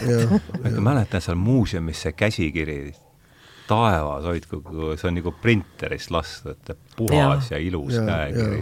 ta oli väga süst-, mõnes mõttes ühest küljest väga nagu kirgliku siseeluga inimene, aga teisest küljest väga mm. süstemaatiline ja. inimene. see käekiri, just see on täiesti mul siiamaani silme ees, et ikka juba selge ja ilus ja klaar ja vaarvarandus võib-olla. aga siis veel, veel üks aspekt, mis nüüd sedagi romaani puudutab, on see, et tegelikult Tammsaare minu meelest reageeris väga tundlikult ajastu teemadele, ajastu tendentsidele, et ta selles mõttes ta ei olnud kuskil olümposel olev mingisugune kõik, kõike kõrgelt vaatav. E, kuju ja, ja kolmekümnendatel see nii-öelda see rahvusküsimus, eks ole, tuli ju täitsa riiklikul tasemel ju, mhm. muutus väga aktu-, aktuaalseks ja siis oli muidugi seal niisugust profaneerimist, noh, poliitilisest aspektist äh, mingisugust niisugust optimistlikku rahvustust, mis alati muutub ühekülgseks asjaks, eks ole, kui seda riiklikult äh, poliitiliselt aetakse, aga oli ka muud. ja minu meelest ähm, on see romaan ka rea-, reageering sellele sellele ma ütleksin noh, mingil määral no riiklikule arengule või noh, riiklikule teemale tegelikult mm, -hmm. olulisele teemale mõnes mõttes. no väike noor rahvas oli alles riigi loonud, ta pidi ennast enda määratlemisega, enda probleemidega tegelema. aga Päts oli juba võtnud asjad äh, selleks ajaks, millal see Pätsi äh, kolmkümmend neli võttis kolmkümmend neli, Päts võttis juba selleks ajaks asjad Päts võttis asjad üle jah, ma ei tea, kas, mhm. kas me teame, kui kaua või millal Tammsaare kirjutas ja ma hakkasin just mõtlema seda. sakslast või sakslase ta kirjutas kolmekümne viienda aasta suvel. siis oli Päts ikkagi pukis juba. ja, ja no siis pööre oli toimunud ja, ja ühesõnaga no see... tegelikult ju väga otseselt reageerib Tammsaare sellistele päevapoliitilistele aktuaalsetele küsimustele ikkagi romaanis Elu ja armastus. jah, seal Rudolf, on palju rohkem, Rudolf sealt ta ikka ketrab kohe kõvasti seda. jah, et seal on hästi palju seda, aga seda isegi kohati häirib natuke. et äh, ei saa nagu ju ise kõikidest asjadest enam aru. et äh, noh, tänapäeva lugeja ei, ei, ei, ei loe ju neid kuule, Tammsaarega on üldse nii, et ega, ega see on ka natuke siin äh, sakslases ka, et aeg-ajalt vaatad, et noh, see nüüd kuule, noh, see läheb natuke juba liiga, noh, see ei ole nagu päris, ei sobiks võib-olla siia romaani, need, need mõttearendused, aga samal ajal pead möönma, et ikka huvitav eks ole, et ja ta ikka kirjutab vähemasti minu maitse järgi nii, nii hästi ja, ja ladusalt. no sakslane on kindlasti kompaktsem, et elu ja, ja armastusega ja, ta ei jäänud ise ka lõpuks rahule. et ta leidis jah, et see on tal kõige logisevama kompositsiooniga, aga samal ajal äh, talle salajas endale see elu ja armastus väga meeldis mm. -hmm. et ta leidis, et see on romaan, mille, mida hakatakse võib-olla mõistma alles tulevikus mm. -hmm. et, et, et mm. tema kaasaegsed võib-olla ei mõistagi seda romaani. me siin arutame e-, elavalt selle, selle asja üle. aga Tammsaare, mis puudutab Tammsaare fenomeni üldisemalt veel, siis ma tuleks ikkagi selle raudsepa juurde tagasi kes minu meelest on tegelikult väga tähelepanuväärne kriitik. mis oli Raudsepp, mis see ra-, Vedelvorst oli? jaa, ta oli, ta oli rahvalik näitekirjanik ja ma ütleksin, et eh, need on aegunud mõnevõrra, tema näidendid, ja ma ei usu, et neist palju meie aega kaasa tuleb. oli Vedelvorst? jaa, jaa, ikka, ikka oli, jaa, ikka, Mikku Märdi ja niisugused jah, asjad. aga minu meelest Raudsepa kriitika on eh, tänapäeval üha huvitavam lugeda. ahah ja no sellest on ka nüüd ilmunud mingisugune suurem kogumik. et ta, ta minu meelest ütleb Raudsepp midagi veel olulist Tams-, seoses selle romaaniga, aga Tammsaare kui fenomeni kohta üldiselt, ta ütleb seda, et mida Tammsaare tunnetab psühholoogina, see on sageli suur ja lihtne. mida ta aga käsitleb filosoofina muudab lihtsa pildi palju keerulisemaks, lihtsus kaob, tekib hoopis teine mõõde mm. -hmm. ja minu meelest seletab see selle asja ära, miks Tammsaarest võib arutada kõrgel intellektuaalsel tasemel, aga miks on ta ka väga huvitav ja elamuslik nii-öelda lihtsale inimesele. oleneb, mis tahuga me suurema kontakti võtame eks ole mm. -hmm. ja see, noh, see rikkus, mis no Tammsaare kohta ta sõbrad ütlesidki, et tema tähelepanuvõime oli meeletu, et ta pani, ta käis ringi, ta suhtles inimestega või, või kõndis kas või nende vahel ja ta pani tohutul hulgal nüansse inimeste puhul tähele, kuidas keegi kõnnib, vaatab, räägib mid, midagi, ükskõik mida, kuidas keegi midagi ütleb ja kuidagi see kõik jäi talle meelde kuskil salvestus ja ta kasutab selle oma romaanides ära. ja neid nüansse on nii palju, et, et mul on endal olnud nagu tohutult huvitav äh, võtta vahetevahel, kes teab, mis põhjusel, äh, mingisugunegi, kas tuleb mõni konverents või üleskutse, et, et kas või ei võiks Tammsaarest teha üleskutset, et või, või ettekannet mingil teemal, millest see konverents parasjagu räägib, ja sa võtad selle loomingu ette ja sa leiad need teemad sealt mm, -hmm. kuigi sa varem ei ole selle pilguga lugenud ja, ja sa ei ole võib-olla otseselt neid tähele pannud. ja, ja see on peaaegu alati mm, -hmm. ma mhm. arvan, et peaaegu ükskõik millest äh, võiks, võiks nagu äh, hakata rääkima ja vaadata, et aa, et aga Tammsaarel on ju see ka sees mm. -hmm. et, et see tõesti, see, see mitte ainult filosoofiline rikkus, vaid ka neid tohutu hulk tähelepanekuid elu kohta, mida ta on mm -hmm. osanud ja suutnud äh, väikeste nüanssidena sinna nagu teksti sisse põimida. kas on tõe, on, kas, kas Tõnu Õnne pole kirjutatud mitte Kõrva ja peremehele seda, et eestlase evangeelium on see, oli minu meelest pealkiri, mis ta kirjutas selle, nüüd ilmus viimati, et, et see ongi nagu evangeeliumil no tegelikult kõige rohkem ikkagi seda evangeeliumi võrdlust toodi siis, kui Tõe, Tõe ja õiguse viies osa ilmus, et, et siis ikka öeldi täitsa selgelt, et eestlaste piibel või Tammsaare piibel on valmis ja ja et, et siis, siis oli nagu seda evangeeliumi äh, võrdlust ikka kõige rohkem ja, ja aga, aga ei noh, Kõrboja peremehest võib selle loomulikult ka väga hästi leida, et seal on ju see väga üldse kogu looming, ma mõtlen, jah. jah. mm -hmm. et äh, neid jah, lõpuks me võiksime täiesti eraldi käsitleda Tammsaare loomingut kui mingisugustegi ideoloogiliste probleemide rõhuasetust või siis täiesti vastupidiselt on, on Tammsaare loomingut äh, täiesti äh, süvenenult käsitletud näiteks äh, kunagi ilmunud Eesti nagu maaparandajate ajakirjas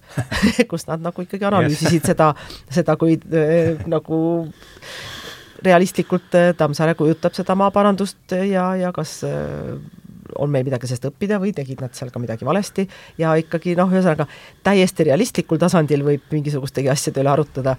ja muide, ma tean ühte psühho- või pereterapeuti, kes kasutab Tõe ja õiguse neljandat osa sellise musterloona, noh, mitte eeskujuloona, vaid nagu tüüpilise noh, mustrina mehe ja naise abielust, kes on kaotanud lapse.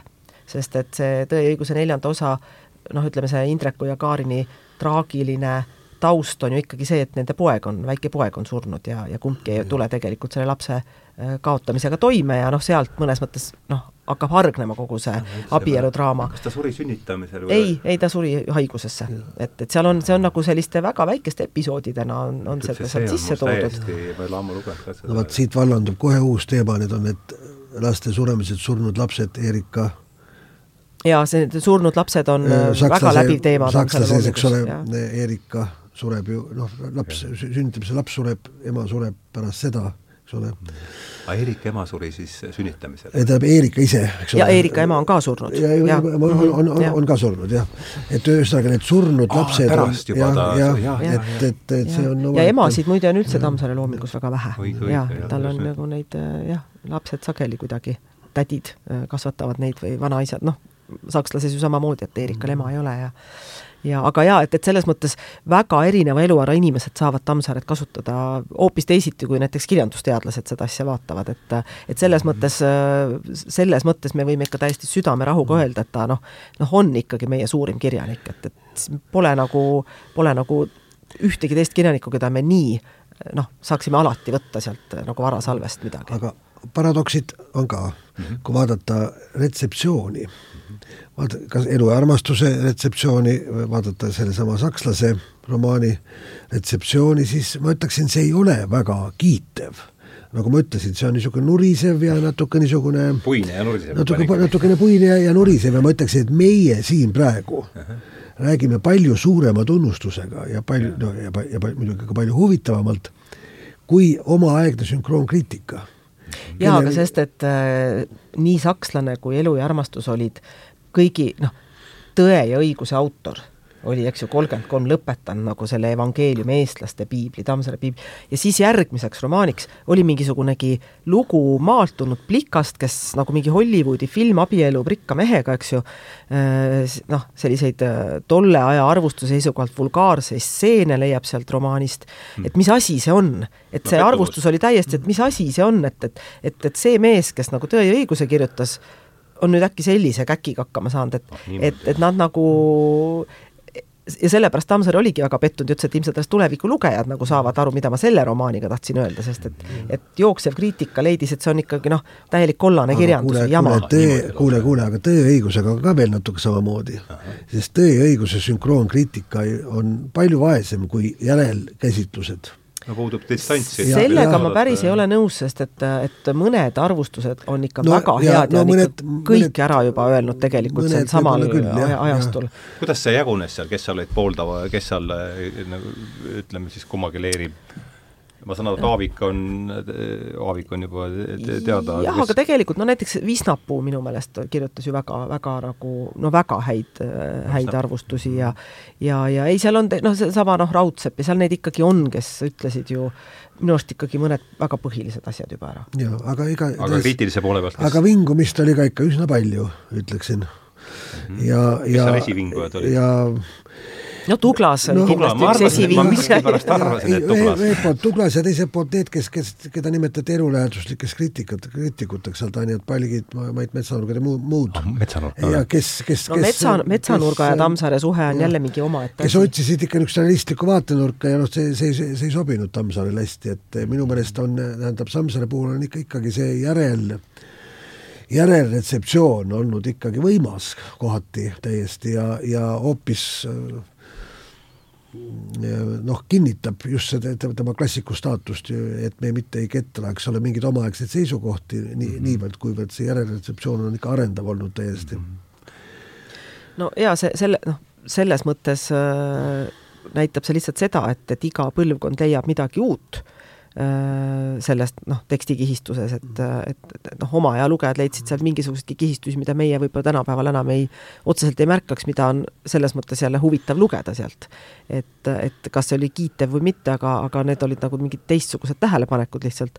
aga hu-, noh, huvitav on tegelikult Tammsaare uurimise puhul ju veel see, et mõnes mõttes ju nõukogude ajal teda üldse normaalselt uurida ei saanud no., sest mingisugused kihistused olid sealt ju noh, ära lõigatud, et, et mingid piibli alltekstid ja üldse väga paljud filosoofilised alltekstid ei olnud ju soositud, et, et tolle aja selline käsitlus eeldas, et Tammsaare on kriitiline realist mm, -hmm. kujutab nagu seda kulaku elu raamatus, koledust. see oli raamatus kirjas kuskil ka, eks, et on kriitiline realist ja jah, ja, ja, ja see oli järelsõnas öeldud, et ta oli kriitiline realist ja kujutab siis ette jah, kuidas omand inimese hinge ära mädandab mm -hmm. ja noh, kõik nii edasi ja, ja ega sa nagu päriselt ei saanud ju kogu selles suuruses neid teoseid äh, käsitleda, äh, mistõttu on Tammsaare nagu sellises retseptsioonis ju ikkagi niisugune väga huvitav, huvitavad oma etapid, et, et üks on see noh, tema eluaegne retseptsioon, siis tuleb äh, neljakümnendatel oli üldse selline väga veider aeg, kus õieti ei teatudki, mida Tammsaarega pihta hakata, et, et ta ikkagi näiteks Soomes oli ju keelatud autor.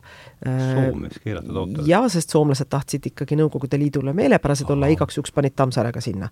et ja, ja, ja noh, Eestis olid ju ka mitmed teosed olid täiesti põlu all ja näiteks? alles no kolmas osa oli ju täiesti Aa, ja, ja kogu, kogu ütleme, sõjamõtted mm. ja Sikk Transit, need äh, publitsistika pandi keelatud kirjanduse alla. hiljaaegu ja... avastasime Kirjanike Liidu juhatuse koosoleku protokolli, oli see viiekümne kolmas aasta või? või ku, ku, kuskilt sealt, eks ole, kus jah, just viiekümnendate alguses. kus Paul Rummo ütleb, et ähm, nüüd, nüüd on niimoodi, seltsimehed, et ähm, et kolmandat ja neljandat osa ei saa jah. See, see tuleb ära unustada, aga esimene ja viimane, see või, võib ja. olla. et ühesõnaga seal neljakümnend, et see polnud üldse iseenesestmõistetav, et Tammsaare sinna nii-öelda Nõukogude kaanonisse integreeriti, aga no ühel hetkel see otsus siiski tehti. millal see oli? see, millal see otsus tehti või? Nõukogude kaanonisse integreerida? No ikka pärast Stalini surma kuskil. ei, see otsus ikkagi minu meelest tuli neljakümne kaheksandal aastal, kui otsustati, et hakatakse välja andma neid valitud teoseid. ja, ja ei no see, et põhimõtteliselt integreerida, muidugi jah. see oli siis Karotamme ajal ikkagi. jah, aga, aga ikkagi valikuliselt. aga siis valikuliselt jaa, ikkagi esialgu valikuliselt ja, ja neid valitud teostes on ikkagi kärped sees, et ütleme, kogutud teoseid võib rohkem usaldada, kogutud teosed on, on ikkagi suhteliselt noh, nii-öelda usaldusväärsed, aga valitud teostes neid vahepealseid ja. nüüd võtta, et, et seal on ikkagi päris noh, jõhkralt siin-seal nagu kärbitud või tsenseeritud neid äh, teoseid. aga ühesõnaga, ma tahtsin jõuda selleni, et kuna ei saanud korralikult käsitleda, siis äh, ütleme seal äh, kuuekümnendatel ja seitsmekümnendatel, eriti kui lähenes Tammsaare sada mm, -hmm. tegeldi ikkagi väga põhjalikult kirjaniku elulooga.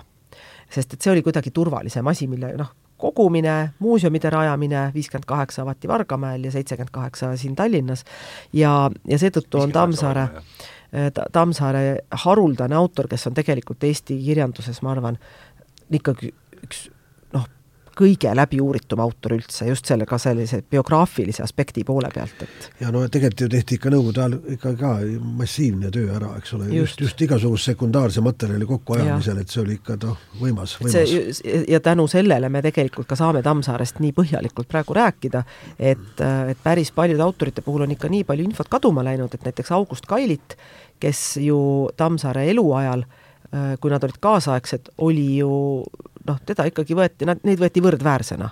et Nende eluajal? Äh, jaa, et ei olnud niimoodi, et, et otseselt oli Tammsaare suurem kirjanik kui Kailit, et Kailit oli ka ikkagi väga äh, Nippernadi on ikka loetud ja, ja armastatud autor ja siis noh, Kailit põgenes Rootsi, eks ju, Eestis ja. oli ta sisuliselt keelatud kirjanik, siin läks ikkagi materjal kaduma ja, ja, ja Kailiti eluloost on meil noh, kahjuks noh, on, oleks ikka raske nagu nii põhjalikult rääkida, kui, kui me saame Tammsaarest no, rääkida. enam-vähem ühe aasta mehed on nad või?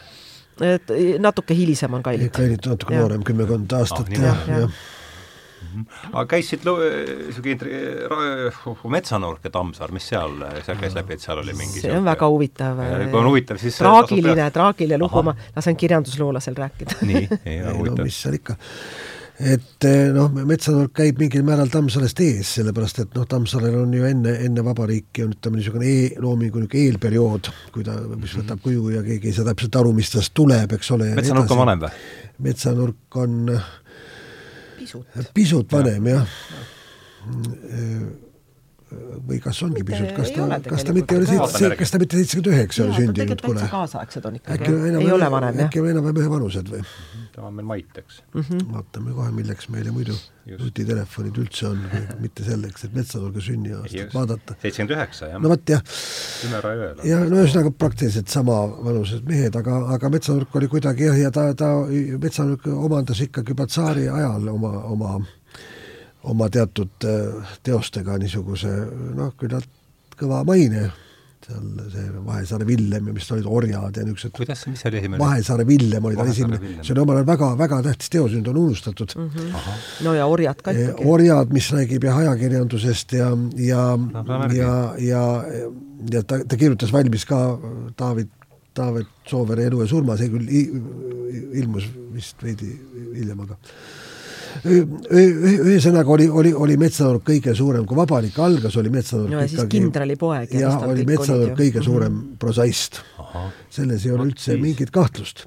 ja siis võtab ikkagi natukene aega, enne kui need jõuvahekorrad hakkavad seal muutuma. nii et kui kahekümne üheksandal aastal tähistatakse Metsanurga juubelit, Douglas peab kõne Estonias, kõik on väga pidulik ja ta käsitleb ikka täiesti võrdselt Metsanurka ja Tammsaaret kui noh, seal mingit vahet, vahet tegemata. nii et tundub, et see Tõe ja õiguse tsükli lõpule viimi-, viimine noh, ka kallutas, kallutas, kallutas lõplikult selle asja ära.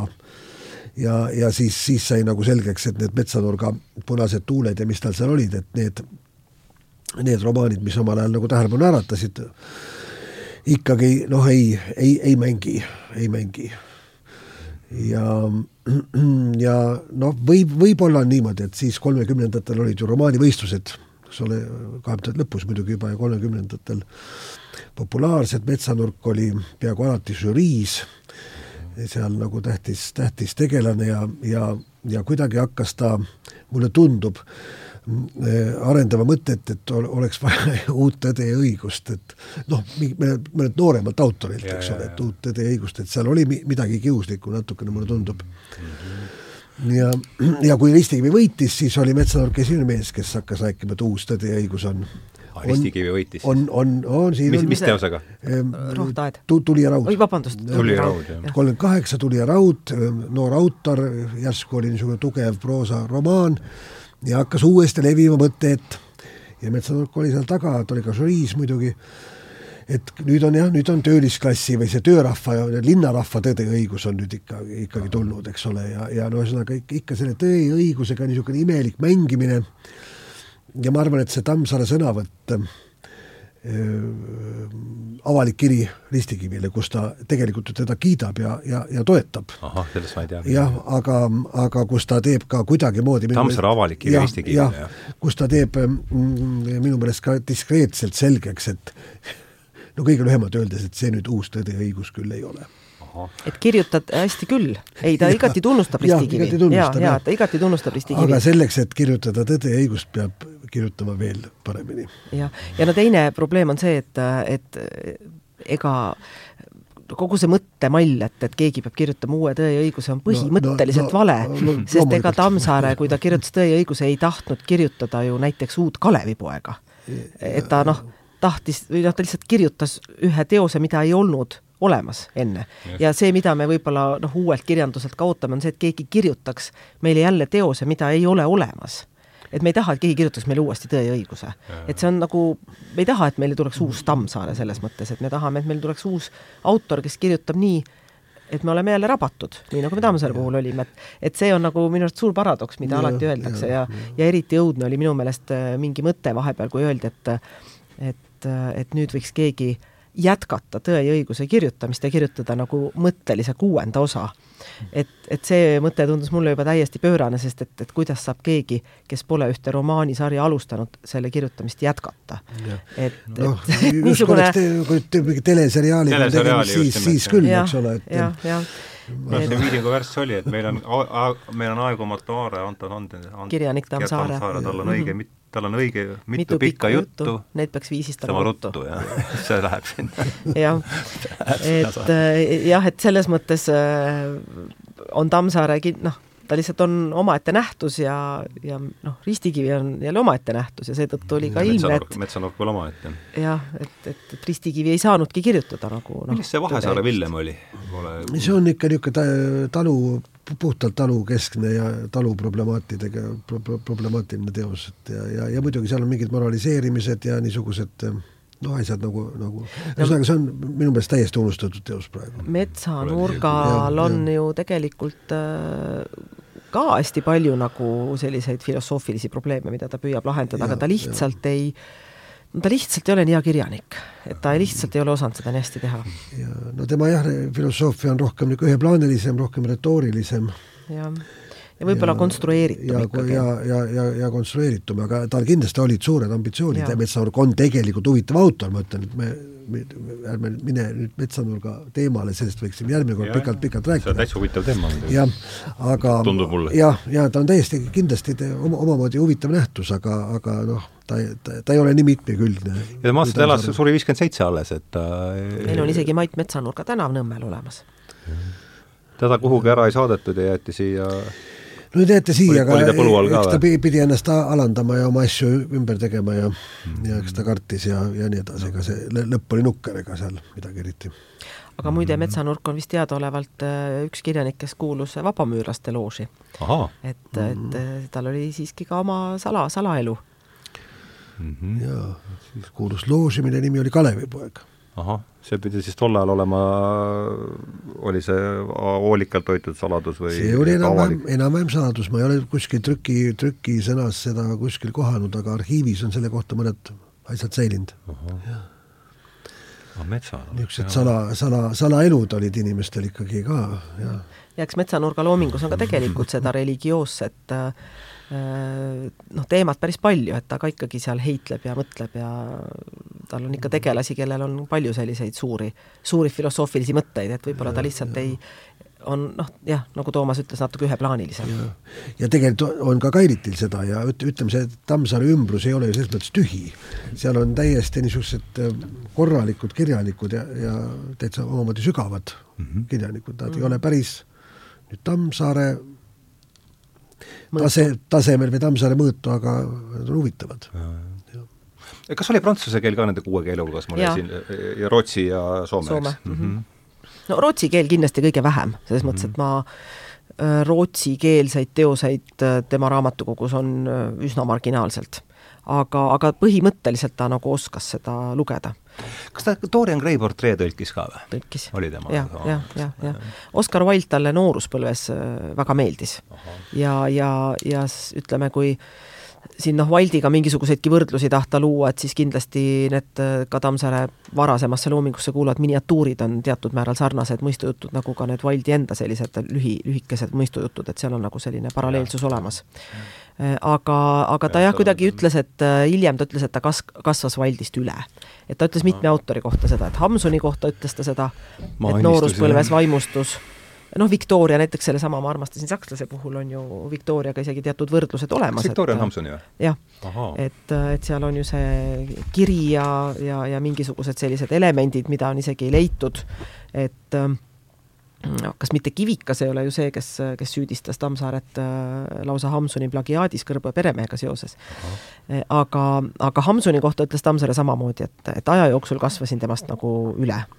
Äh, et kelle juurde ta jäi, olid jah, kindlasti Dostojevski, keda ta hindas äh, ikkagi. kuriteokaristus on tema tõlgitud ka, eks ole? jaa, jaa, aga noh, eks ta luges ju teisi ka ja, ja tervikuna mm -hmm. hindas Dostojevskit ja, ja kindlasti jäi ja võib-olla ajas kasvas tema austus ka Goethe, Goethe vastu ja, ja noh, Faust muidugi ja Põrgupõhja uus vanapagan on ju äh, niisugune Tammsaare tõlgend-, noh, teatud Fausti motiividel mängimine iseenesest. Pole isegi äh, niimoodi mõelnud Mm -hmm. et no ei, no tegelikult ta on ju tagurpidi pööratud Faust, et, et, et ütleme, ütleme, kui Faustis on siis Mephisto on see jõud, kes äh, tahab kurja, kuid korda saadab head, siis noh, Jürka on ju täpselt vastupidine, et, et, et jõud, kes tegelikult noh, soovib head, aga korda saadab kurja mm. -hmm. sest et noh, aga ütleme, see põrgupõhja on iseenesest juba nii äh, nii paradokse ja vastuolusid täis romaan, et, et see, see on täiesti niisugune iseseisev teema, jah. aga, aga jaa, seal on need Fausti motiivid on täiesti selgelt sees ja teadlikult sees, et, et Tammsaare oli päris teadlikult intertekstuaalne kirjanik, et ta ikka mõnuga puistas viiteid teistele autoritele. ja no me oleme omavahel vahel niiviisi poolnaljatlemisi, aga tegelikult ka pooltõsiselt ju öelnud, et ta kirjutas mõned maailma kirjanikud nagu paremini üle. näiteks näiteks Hamsuni. jah, just nimelt näiteks ah, sellesama Hamsuni, Hamsuni ja, ja., ma arvan ka selle, kui noh, tulla tagasi selle Oskar Lutsu Vaikse nurgakese juurde, siis mulle tundub, et ka seal ta vaatas, et nii hea teema ei ole üldse nii hästi nagu ära kirjutatud, et mhm. kirjutan ise paremini. tuleks korralikult teha. sest ta on minu meelest kuskil ka möönnud seda või, või kuidagi tuleb välja see, et, et tal oli tohutult palju mõtteid, aga ta ei leidnud alati head raami kuidas, kuidas neid ja et, et, et kui noh, väga nagu et kui tahta nüüd vahelduseks natukene olla kriitiline Tammsaare suhtes, et siis võib vahel vaadata, et, et ta justkui võtab kellegi teise raami. et vaatab, et see on väga hea nagu see mall, et mm -hmm. ma võtan selle malli ja kirjutab need oma mõtted kõik sinna malli ja, ja, ja see täidabki selle malli, ütleme siis nagu paremini. aga et vahel ta ei suuda nagu leida, et, et, et, et mis jah. ma nagu nüüd oma nende mõtetega peale hakkan, et kuidas mis lähtekoha ma võtan, et kust ma peale hakkan, kuidas ma seda kirjeldan. ja seetõttu on tal ju päris paljudes romaanides kordub ju hästi sarnane muster, et ta on noh, näiteks Tõe ja õiguse puhul ta leidis selle mustri, et tal on ju iga Äh, üksikosa mõnes mõttes ju üles ehitatud kahe konkreetse tegelase vastasseisu peale, et esimeses osas Andres ja Pearu, teises osas Indrek ja Maurus, noh, kolmandas on võib-olla seda vastasseisu kõige vähem, aga noh, siiski on, on olemas nagu need tegelaspaarid ka seal nagu leitavad. neljandas Indrek ja Kaarin, eks ole, ja noh, Põrgupõhjaõus vanapaganas Ants ja Jürka noh, Rudolf ja e Irma. Ja Oskar ja Erika, et noh, et ta võtab nagu väga selgelt, tal on kogu aeg need mingisugusedki vastandpoolused, kelle kaudu ta siis saab oma neid äh, kõikvõimalikke mõtteid väljendada, aga see skeem mõnes mõttes ise on ju nagu väga lihtne. et, et, et selline väga, väga mm, noh, ühesõnaga tal, tal ei olegi olnud vaja mingit väga keerulist äh, struktuuri moodustada, sest et tal need mõtted ise on juba piisavalt keerulised ja huvitavad. aga see, et, et mille kaudu neid väljendada, on minu meelest talle vahel olnud probleem, et kuidas, et mis kanalid võtta nagu mm. -hmm jaa, ma tahtsin küsida, miskipärast äh, see Konrad mind hakkas äh, te,, hoopis teistele põhjustele kui, kui kord täna, kas te Lord Jimmy olete lugenud viimasel ajal, on, on teil midagi sellest meeles? Või ei ole, siis läheme kohe edasi? lugenud jah, mõnda aega tagasi, vahetult mis, mitte. mis äh, sul meelde jäi mm, mis, sa mõtled la laias laastus lugemiselamust või? ja lugemis ja et ma, mina mäletan, et ma lugesin, siis ta oli, mulle Konrad hirmsasti meeldib, kõik mm -hmm. on peaaegu meeldinud, aga kuidagi see Lord Jim ei jõudnud mulle. ei ole kõige kas tuge... mulle jäi midagi seal? ta on võib-olla natuke ootamatu, natuke ootamatu romaan, aga noh, võib-olla mis on sealt ikkagi see huvitav on, on see mereteema, et mm, -hmm. et, et, et see, see ütleme niimoodi, et, et kui noh, tahta lihtsalt jälle kirjanikke nagu võrrelda või sealt mingit võrdlus nagu momenti leida, et siis, siis Konradil võib-olla mängib meri natuke sarnast rolli kui Tammsaarel maa. et need mõlemad on ka jälle sellised äh, loodusnähtused või jõud, mida see inimene ei kontrolli tegelikult mm. -hmm. et, äh, et, et, et jällegi, kui noh, mingisugustegi noh, vastanduste või selliste suurte tegelaspaaride peale mõelda, et siis Konradil on selleks äh, inimene ja meri, noh, ütleme konkreetses romaanis, ja, ja Tammsaarel no kui võtame kas või selle Vargamäe, et siis inimene ja maa mm. -hmm. et, et, et see et see loodusjõud, millega sa vastamisi seisad, mis käitub sinu jaoks nagu kontrollimatult, irratsionaalselt, mida sa ühest küljest nagu armastad, teisest küljest vihkad ja, ja millega sa oled nagu kuidagi noh, vältimatult ja saatuslikult seotud, et, et, et need on lihtsalt need sellised noh, ühenduslülid nagu minu meelest nendes loomingutes, kirjanike loomingutes mm. -hmm. midagi lisada? ei, on, Konradi asjus mitte aga mind vaevab hoopis räägi, mis sind vaevab. jah, ma räägin, mis mind vaevab, võib, mind vaevab, vaevab see, vaevab ikkagi see Tammsaare retseptsiooni küsimus jätkuvalt. mõtleme ka selle peale, sa võid mulle muidugi vastu, võib-olla ma valesti asjast aru saanud, et Tõe õiguse esimene osa ilmub äh, oktoobris kakskümmend kuus ja mhm. Kahekümne seitsmenda aasta mais, nagu me teame, toimub juba rahvaste ränd Tammsaare ja Tallu. no mitte päris rahvaste ränd no,, aga esimesed huvilised no, äh, on välja peilinud, kus see on ja, ja hakkavad seal käima, jah. kas ta ilmus, ka ta ilmunud Lehesabas või? ei, ei, ei, niimoodi kõmdi. no hea küll, mitte rahvaste ränd, aga igatahes silmatorkavalt neid juba seal käib, nii et kohalikud lähevad juba rahutuks, eks ole, nagu no, me teame. põhiliselt vend August, kes neid oma hoovist kogu aeg leidis. naaber seab, seab ju sisse, eks ole, mingi külalisraamatu lõpuks seal ja mis seal toimub, eks ole. mis see seab üles? külaliste raamatu. jah, jah, kuigi muuseum ei ole, tähendab, aga külaliste raamatus no, sealt siis kuidagimoodi sisse, et inimesi oli samasse kohta ikka, kus muuseum on praegu? no ei see... no see, selles mõttes äh, see muuseumimaja ei ole äh, nüüd see nii-öelda algne Vargamäe, Põhja-Vargamäe talu äh, põles ju maha. jah, ja, et see maja, mis seal on, on augusti ehitatud. alles kolmekümnendatel. no jaa, aga ma tahan öelda seda, et, et kui vaadata nüüd arvustusi või vastukaja sellele esimesele tõele õigusele, siis see ei anna kuidagimoodi alust selleks, et et peaks toimuma niisugune rahvaste liikumine sinna ja niisugune omalaadne omaks, sest on ju, Tammsaarele endale ei meeldinud see ju absoluutselt, selle no, Tammsaare ise, see on tõsi, ta ei jäänud üldse, ta kirjutas ju tegelikult ise endale retseptsiooni. esimese osa vastuvõtuga ei jäänud ja. rahule, ta kirjutas ju selle avaliku kirja jah, kirjanik Tammsaare kirjanik... kiri, äh, kuidas ta mul on täna äh, mäluga väga ja, ja, ja kus ta, kus ta, kus ta noh, püü-, püüab seletada, mis on noh, tema taotlused millest me järeldame seda, et ta jäänud retseptsiooniga üldse rahule. et ta, talle, talle hakkas tunduma, et noh, asi läheb, kisub viltu, eks ole, kuidagimoodi.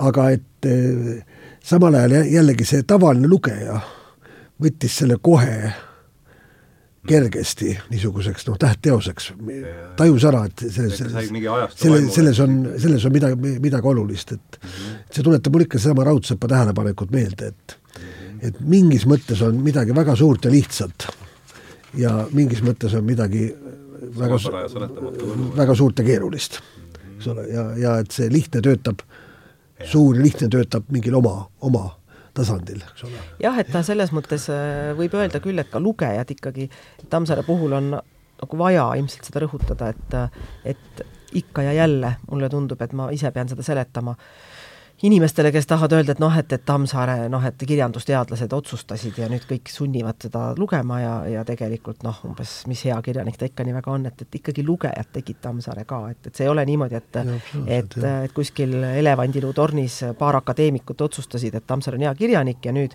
aegade lõpuni kõik lapsed koolis peavad ja lugema. Läheb kooliprogrammi ja küll te veel, küll te veel saate. jah Aga..., et, et tegelikult ikkagi oli nii, et, et, et, et see noh, lugeja menu ikkagi oma aja kohta oli ja. fenomenaalne, et ja, ja, ja, ja sellest noh, selles mõttes on Toomasel tõepoolest õigus, et kui vaadata ka mm, Juhani Salokannel on ju kirjutanud Tammsaarest monograafia, teda tõlkinud ja ja selle noh, monograafia käsikirja nii-öelda retsensent äh, ma olin ja, ja ma pidin teda selles mõttes äh, parandama, et kui tema luges omaaegset retseptsiooni, siis temale ei jäänud muljet, et Tammsaarest võiks rääkida nagu elavast klassikust. et talle oli jäänud nagu vastuvõtu põhjal mulje, et, et temast sai see klassik Nõukogude ajal. Hmm..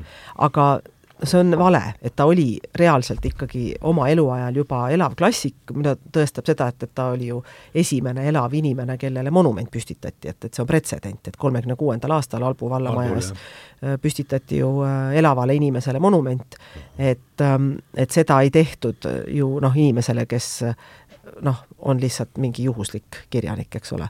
et see oli ikkagi väga suur tegu ja väga suur otsus. tuhat üheksasada kolmkümmend kuus oli see, jah? kolmkümmend kuus, jah mm.. nii et selles mõttes äh, ta oli ikkagi rahvakirjanik ka, et, et, et, et, et selle, see ei, ei, ei vasta kuidagi tõele, et, et ta kuidagi alles tehti hiljem kirjandusteadlaste poolt mm. -hmm. ei, see mõtlesin, et et Konradi kurbus tsiviliseeritud maailma peale, me edasi Konradi juurde, aga et see viskas, sealt hüppas mõte Nietzschele, et kuidas ta Nietzschesse äh, no Nietzsche vastu ta tundis nooruses suurt huvi. Nietzsche oli neil ju kõigil seal ja, teatud ajal ikkagi. Nietzsche'st on kirjutanud ka. Ja, ja mõned artiklid, millest võib äh, aru saada, et ta oli Nietzschega ikkagi päris hästi kursis. ja muidugi äh, näidend Judit on äh,, seal on ikkagi päris palju Nietzsche mõtteid ah, sees. Ja et seal on kogu see võimutemaatika ja ja noh, or-, or-, noh, orjuse temaatika ja, ja igasugused erinevad temaatikad, vaba inimese temaatika ja et see on, see on ikkagi seal sees. mis aastast Judit on? kakskümmend üks ah, Juut on nii vara või? jaa, see on mm., ütleme Juuditist alates mõnes mõttes võib hakata rääkima Tammsaare loomingu sellisest nagu kõrgperioodist mm,. siis Juudit ongi jah, ah see Juudit on veel enne kõrba ja jaa, Juudit on veel ja kuningal on külm jäi siis päris lõppu, ma saan aru? kolmkümmend kuus, just. et ja see mis Nietzschesse puutub veel, mu käes on hetkel äh, äh Mait Metsanurga Orjade teine väljaanne, mida ta on redigeerinud veel ilmselt mingi kolmanda väljaande jaoks kuskil mhm. kahekümnendatel mm -hmm. aastatel ja, ja, ja ma, ma luban, et ma varsti annan selle Kirjandusmuuseumile üle. ja seal on ta eh, lihtsalt eh, servale kirjutanud kogu aeg, tihti, Nietzsche, Nietzsche mingite mõtteavalduste juurde uh, -huh. avanud ise neid, väga, väga huvitav vaadata uh. -huh. millest see orja, oli see romaan või? No ta on ikka jah, selles mõttes on ta, on ta, on ta romaan jah, ta on ikka enam-vähem romaani mõõdus. millest, millest juttu? see on, jutt on ajakirjan-, ajalehetoimetuses ja siis vastavalt niisugused noh, päevakajalised ja ajakirjanduseetilised ja muud sellised vestlused toimuvad seal. võiks ju ka arvata, et kõlab, kas ta mõjub ka kuidagi päevakajaliselt või on no on peab nüüd ikkagi... uuesti üle lugema, kuidas ta meil tänapäeval mõjub, aga ta noh, üldiselt noh, ajakirjaniku eetika on alati probleem, eks ole, nii et ma arvan, et see, küllap seal päevakajalist on mm. -hmm. ka, ka, ka tänapäeval. ja ilmus see millal? kaksteist, tuhat üheksasada kaksteist aga jah, see Nietzsche ka, ta no oli, oli tõesti seal sajandi alguses rohkem neid äh, nagu köitis, aga aga siis ta kasvas, võib mõnes mõttes öelda ka Nietzsche'st tegelikult Nietzsche'st üle, et, et hiljem teda pigem, äh, pigem tõenäoliselt ta on ju päris palju tsiteerinud Kanti ja, ja väga läks talle minu meelest korda ka ikkagi see Spengleri Õhtumaa allakäik. et sellest ja. ta kirjutas ju ja. ise korraliku ülevaate, oli, oli näha, et ta oli sellesse süvenenud ja, ja viited publitsistikas, eriti kolmekümnendatel, Spenglerile ikkagi korduvad ja, ja ega kogu Tõe ja õiguse, ütleme seda Vargamäe Andrese tüpaaži äh, võib ju täitsa selgelt näha ka sellise õhtumaise faustilise äh, kujuna. et, et, et selles mõttes ta kin-, noh, ühesõnaga see Spengleri mõju on, on ka kindlasti selgelt olemas. Spengler, Spenglerist oli eraldi saade, aga millal see, millal see õhtu kahekümnendat, minu arust oligi kakskümmend üks või kakskümmend kaks või kahekümnendate alguses oli, ilmus see mm. -hmm. nii et ähm, et noh, neid filosoofe, keda ta luges, oli muidugi no päris palju, et, et tõesti ta luges, et mida võib-olla ka Tammsaare puhul alati kuidagi üllatusega tajutakse, on see, et ta oli väga erudeeritud inimene. et kujutatakse ette, et ta kirjutas selle talupoja romaani, et ju ta ise oli ka niisugune paras Tolstoi, et käis niimoodi noh, sellise särgiga seal talupoegade vahel ringi ja ikka peenem poiss aga ei, et jah, et Tammsaare ikkagi, ta noh, ta oli väga erudeeritud, et ta luges väga palju, ta teadis ikkagi tohutult palju asju ja osa nendest artiklitest on ju ka mõnes mõttes Äh, lihtsalt äh, kirjutatud inimeste harimiseks. et ta on ju kirjutanud näiteks vanglamajade ajaloost umbes ja, ja eraldi raamat ju, millest palju ei teata, on, on Hiina ja hiinlane, mis ilmus tuhat üheksasada kolmkümmend kaheksa, mis ongi lihtsalt Hiina rahva äh, Tõsi ja kultuuri ja ajaloo tutvustamine eestlastele, sest noh, sellist Hiina materjali ei olnud. Hiina ja hiinlane, jah. et see ilmus kolmkümmend kaheksa ja ja, ja, ja pikk artikkel Jaapanist. jah, pikk artikkel Jaapanist okay., artikkel lõvidest näiteks, ühesõnaga, eks me peame tänapäeva inimestele, eriti noortele see on kõik kogutud teostes olemas, ma siis kogutud teostes olemas, jah. viisteist, kuusteist, seitseteist köide. et Lõvi, lõvidest eraldi artikkel? lõvidest on eraldi artikkel. viimasel ajal palju lõvidest dokumentaalfilme. et tal on jah, täitsa, see on viimases seitsmeteistkümnendas köites, üks viimaseid artikleid, mis ta üldse kirjutas, oli lõvidest, jah. ja vist, vist isegi kõige viimane. võib-olla isegi kõige viimane, jah ja ja enne surma, jah. jah. väga huvitav ja et ühesõnaga, et seal taustal tõesti ikkagi on see, et noh, tol ajal inimesed ei saanud guugeldada, noh, meie mm. siin võtame jälle nutitelefoni, vaatame, mis aastal Aavik sündis, et ja. piinlik tunnistada, et kohe ei olegi meeles, eks ole. aga, aga nemad pidid igasuguseid asju ikkagi ise teadma, raamatut päriselt läbi lugema ja osa, osa infot Tammsaare tõesti võttis niimoodi mingitel kokkuvõtlikel artiklitel mm -hmm. äh, ise kokku. ma arvan, et osad ka seetõttu, et tal olid lapsed ja ta nägi, et, et lapsi on vaja harida.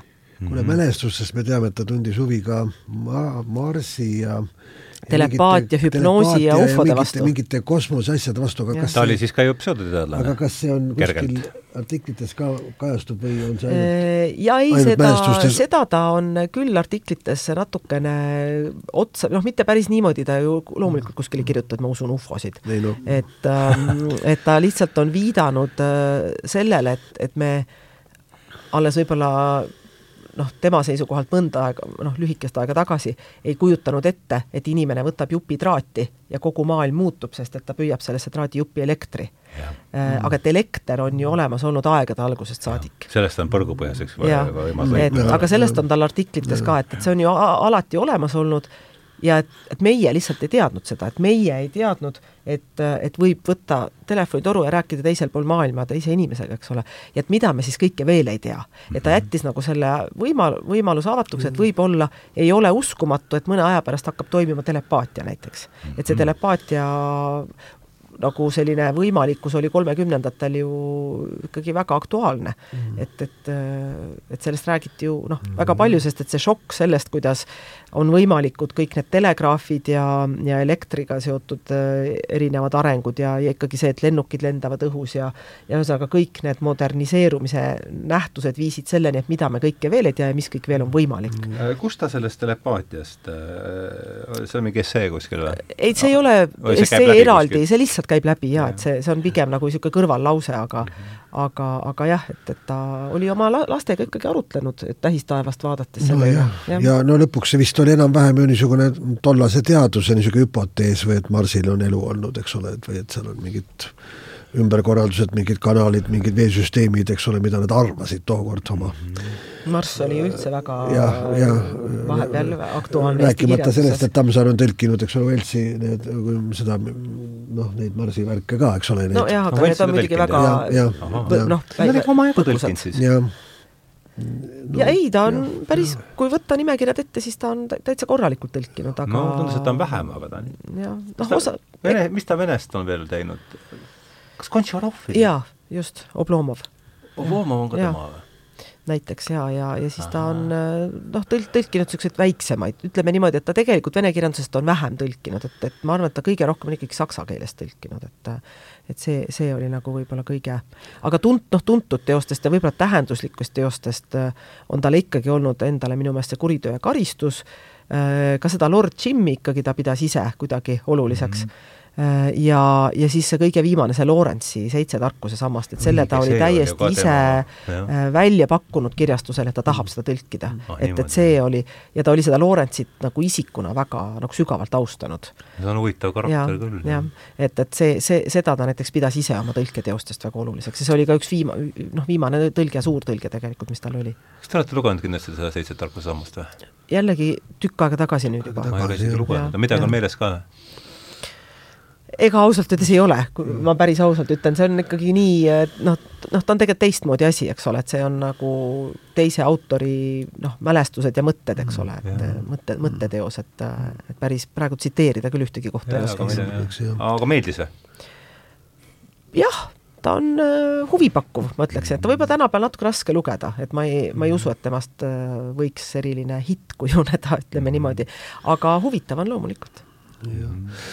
Ja eks Tammsaart minu meelest huvitas tohutu palju asju, aga see, et teda tohutu palju, mis olid õhus, ajas, aga ega see muidugi loomulikult ei tähenda, et ta nendesse asjadesse uskus.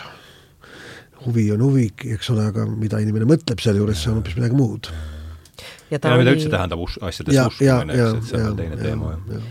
ja talle meeldis ikkagi äh, ka neid mõtteid äh, või noh, avastada neid erinevaid asju, mida ta saaks äh, kohe kahtluse alla seada mm. -hmm. et, et talle ikkagi meeldis äh, kohe asuda juurdlema mingisugustegi nähtuste mm. -hmm. üle.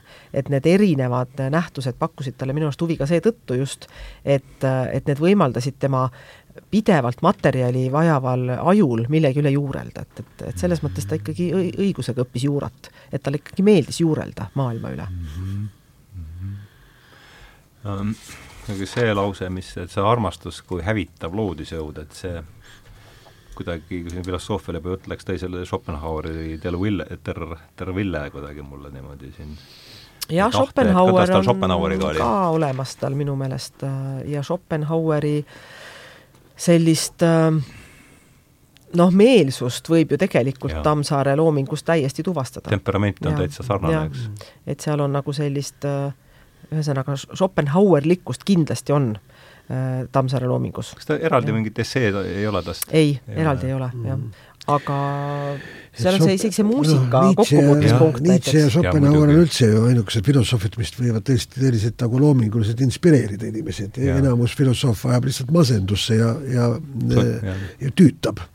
aga need on ja. kahtlemata no võimsad, võimsad inspireerijad. inspireerijad, jah, just, just. ja muide siin selles sakslase romaanis, kui selle juurde, juurde tagasi tulla, on väga ilus ütlus muide filosoofid kohe, kohe, kohe siin alguses ja filosoofia kohta ja filosoofide kohta. siin on ju autori sissejuhatus, Tammsaare publitseerib tegelikult ju käsikirja, eks ja. ole, see on Oskari käsikiri, mida ta publitseerib ja tema enda sissejuhatus on see, et see, selle ma tõmbasin küll alla ja kohe noh, peaaegu et üksi toas olles natukene naersin. ja ta ütleb siin niimoodi, et, et mm, on no ta räägib seda asjadest, mida on raske näha, on sama raske näha asja, mille otsa komistad. sellega saavad toime ainult filosoofid jah, see on alguses kohe ja. jah, muide see sissejuhatus ja see ra-, raamistus on ka ju iseenesest huvitav, et et ikkagi päris äh, mitu inimest on minu käest küsinud, et aga et et kelle romaan see siis on või et kas Tammsaar ikkagi nüüd kirjutas siis selle ise või et, et, et nad ikkagi usuvad seda siin on ju, kui me edasi usume, siis siin on ju salapärane viide, ta ütleb siin seda, et nimed on muudetud, eks ole, selles käsikirjas. aga ta ütleb siin, et kõik on tehtud selleks, et sobival ajal tuleks siiski välja ja saaks teatavaks selle käsikirja tegelik autor. jah, nii et see ei ole siiamaani veel, ootame veel sõna on kadunud noormehel, loen ma siin sellest viimasest, viimane lause. aga, aga selles mõttes on äh, see to-, noh, väga tore, et Tammsaare sellise triki tegi, näiteks ähm, vestlesin ükskord ühe belglasega, kes, ma armastasin sakslast, on ka saksa keelde tõlgitud, kes oli äh, väga üllatunud ja ütles, et, et Belgia kirjanduses kolmekümne viiendal aastal nii modernset romaani kindlasti ei olnud.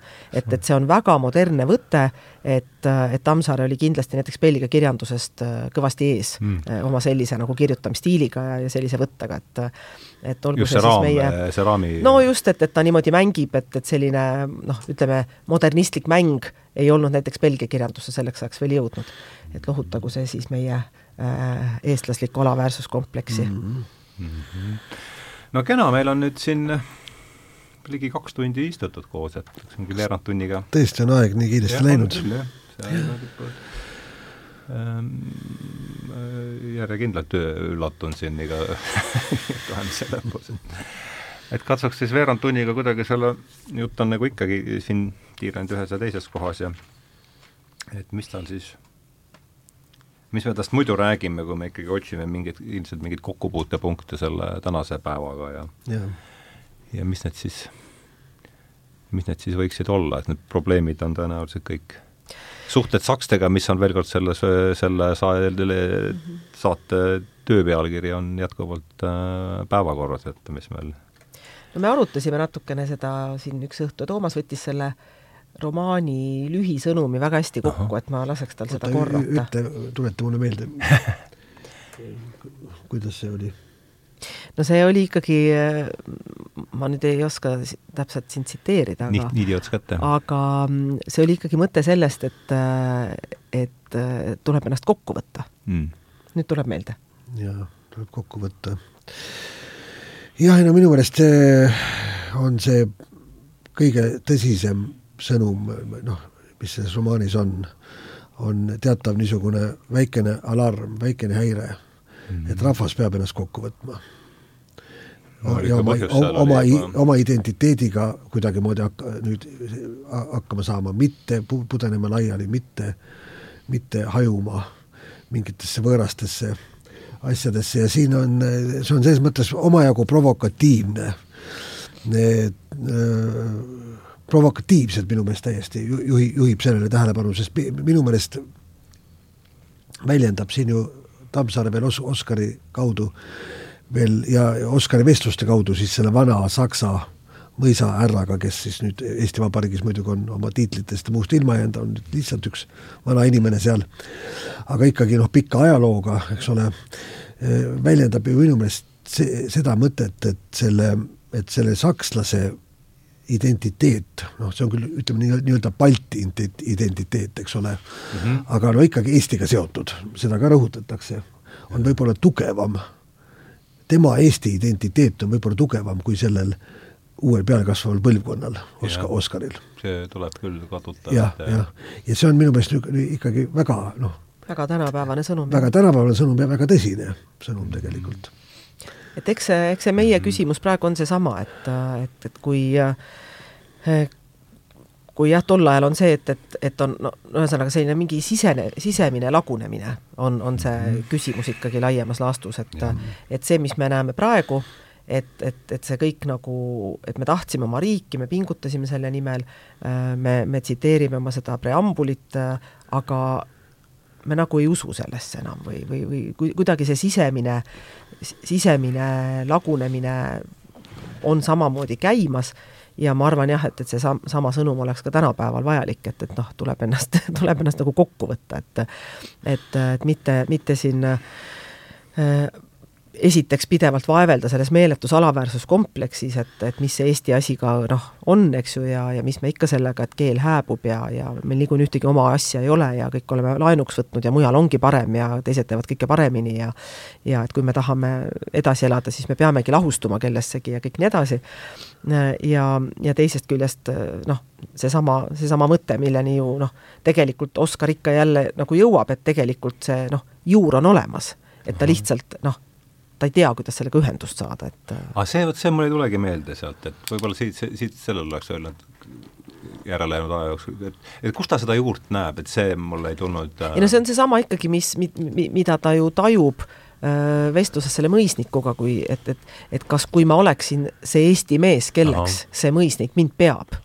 aga ta nagu, nagu tunneb, et, et ta nagu justkui ei ole see Eesti mees, aga et see Eesti noh, mees, kellele see mõisnik justkui viitab, et see, mille, millele võib nagu loota või, või see nagu, kellel on see oma asi, et see on nagu tegelikult olemas. kas ta siis ikkagi viitab mingitele kristluseelsetele kihistustele siis seal või, või kuidas, kuidas sina sellest no, aru tegel, saad? tegelikult ta ikkagi noh, tegelikult ju, mida Tammsaare ju ka oma noh, õigusega ja oma paljude artiklitega tahab öelda, ta viitab ikkagi sellele Eesti matsile. et noh, et mhm. eest, eestlane tuleb sealt äh, talust, eks ole. Mhm. ja, ja see, mis temas on tugevat, on tegelikult noh, see tänaseks ära lörtsitud talupoja mõtlemine, talupoja mõistus mhm. äh, nii-öelda ter-, ter-, terve või noh, niisugune eluterve suhtumine asjadesse. -hmm. nojah, järgmine küsimus on, mida see siis endast kujutab ja kuidas see selle siis, millele siis noh, see on natukene see niisugune ütleme, konservatiivsem vaade siis, et ta ikkagi vastandas seda, seda noh, Matsi ja Vurlet ju päris palju, et, et, et Vurle on see juurtetu, see, kes läheb kõige uuega kaasa, ei, ei, ei mõtle nagu noh, nii-öelda ei hoia seda traditsiooni, aga et, et noh, Mats on see, kes siis üheksa korda mõõdab, üks kord lõikab, et, et, et, et, et taluga noh, ikkagi need kõik need vanasõnad, et narri, narri põld üks kord, eks ole, põld narrib sind mitu korda, et, et sa pead nagu kuidagi äh, mõtlema jätkusuutlikult, on, on see mhm. põhiline mm -hmm. ja mhm. toetuma sealjuures oma varasemale kogemusele mm, -hmm. et, et, et see on nagu see äh, ja et kui sa noh, oled nagu töökas, oled nagu selline noh, asju läbi mõtlev äh,, mingitele kindlatele asjadele toetuv, ei, ei, ei hüppa nagu siia-sinna, eks ole Äh, et, et siis, siis sa nagu tuled omadega nagu toime, et, et eks, eks see on mingisugunegi see, see juurikas, eks ole, mis mhm. seal kuskil talu, talust nagu nii-öelda pärineb, et mm -hmm. aga noh, loomulikult ta ei arva, et nüüd noh, see sõnum ei ole see, et, et me peame kõik tänapäeval talupoegadeks hakkama. et sõnum on lihtsalt pigem see, et et, et ära noh, sülita vanasse kaevu enne, kui sa oled uue ehitanud laias laastus, et et ja, ja et noh, et, et julge noh, jääda iseendaks, eks ole, et mitte, mitte ära, ära jookse iga viimase moesabas noh, see on väga vulgaarne tõlgendus no, mõnes mõttes või noh no,, sõnumi ümberjutustus, aga aga, aga noh, see tänapäevane sõnum kindlasti nagu võiks, võiks osaliselt olla selline. midagi lisada, Toomas? jaa, ma ei tea, mis, mis ehm, ma arvan, et eh, selle teose võiks teha koolis kohustuslikuks kirjanduseks, tähendab, ma arvan üldse, et koolis esiteks tuleks eh, sisse seada kohustuslik kirjandus. ei ole või? ei, päris, päriselt ei ole. soovituslik on so,. Ah, so, soovituslik. ja õpetaja ise teeb valikud. jah, et äh, kohustuslik kirjandus, sest noh, haridus, meil on ju hariduskohustus teatavasti olemas ja kõik muu võiks ka kirjandus seal, sinna hulka kuuluda. ja, ja, ja see teos võiks olla kuskil vanemas mm, -hmm. juba päris vanemas siis astmes, väga aktuaalne ja mõtlemisainet pakkuv teost tänapäeval ja. ka. ja ta on tõesti niisugune kompaktne ja, ja niimoodi rohkem, ma isegi ütleksin kõige rohkem Tammsaare jah, kõige lihtsamalt ta kõige tegelikult joonistab mingisugused küsimused siin välja. ja kõik, kõige rohkem, jah. jah, no Põrgupõhja on ka umbes sama. aga seal tekivad juba niisugused natuke metafüüsilisemad ja, ja muud sellised probleemid, aga siin on midagi niisugust elu, see on võib-olla kõige rohkem jah, selline ja. rohkem ka kui Tõde ja õigus on just see, ma armastasin sakslast just nagu rahvusküsimusega tegelev. sest et kuigi Andresest räägitakse alati kui noh, sellisest eestlase prototüübist, siis ka Tões ja õiguses mõnes mõttes Tammsaare ei taha tingimata noh, tegeleda eestluse teemaga mm. ainult, et, et see noh, võib ühe kihistusena seal olla, aga ta pole põhikihistus. siin, siin ei, selles teoses ei muutu keegi Faustiks ega Mephistoks et siin võid lausa öelda, et siin oledki sina mm. -hmm. jah, et, et see tegelikult ja, on kõige ja, eestluse kesksem romaan Tammsaarel, jah. see Matsi ja Vurle teema on siin nüüd mitu korda, see oli eraldi, kas see oli eraldi essee lausa või? no see on see tema avalik kiri Tammsaarele, kus ta ise siis ah, tõlgendas oma Tõe ja õiguse eh, noh, romaani, mille jah, vastuvõtu või retseptsiooniga ta rahule ei jäänud ja selles kirjas ta siis kirjeldab just seda Vastu, Matsi ja Vurle vastasseisu kõige selgemalt, jah. et eks tal seda viit Tammsaare avalik kiri Tammsaarele või kirjutan niimoodi? avalik kiri kirjanik äh, Tammsaarele on selle pealkiri, peaks Aha. olema, jah. et, ähm, et ta viitab sellele mõnes, mõnes teises artiklis ka, aga seal ta visandab selle kõige selgemalt välja, selle nii-öelda oma nägemuse asjast mm. -hmm aga jah, linnu, noh linnastumist ja, ja kodukultuurist kirjutab töö päris palju.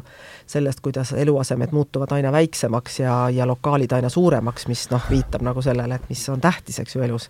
et lastega peredele on raske üürikorterit leida, sest lapsed on tülikad, aga küll on hästi palju nagu mugavusi loodud siis kõikvõimalikes klubides ja, ja restoranides, et, et noh, et mis on nagu noh, mida me väärtustame avalikus ruumis või üldse elus, eks ole, et, et noh, paljusid selliseid teemasid ta käsitleb ikkagi oma artiklites, mis jällegi tänapäeval mõjuvad väga päevakohasena mm. -hmm. jah, aga siis äh, mis siin siis veel võtta kokku, vaatame siit veel võib-olla, kas sul on, Toomas, tuleb sul järsku mõni lõik ette? Tammsaare enda sõnadega lõpetada. võib-olla hakata nüüd, kui päris lõpupoole hakata. jah siin oli, ma kaotasin ta ära, ma üks, üks kena kohakene siin. võib-olla Maarja tuleb sul lõpetada?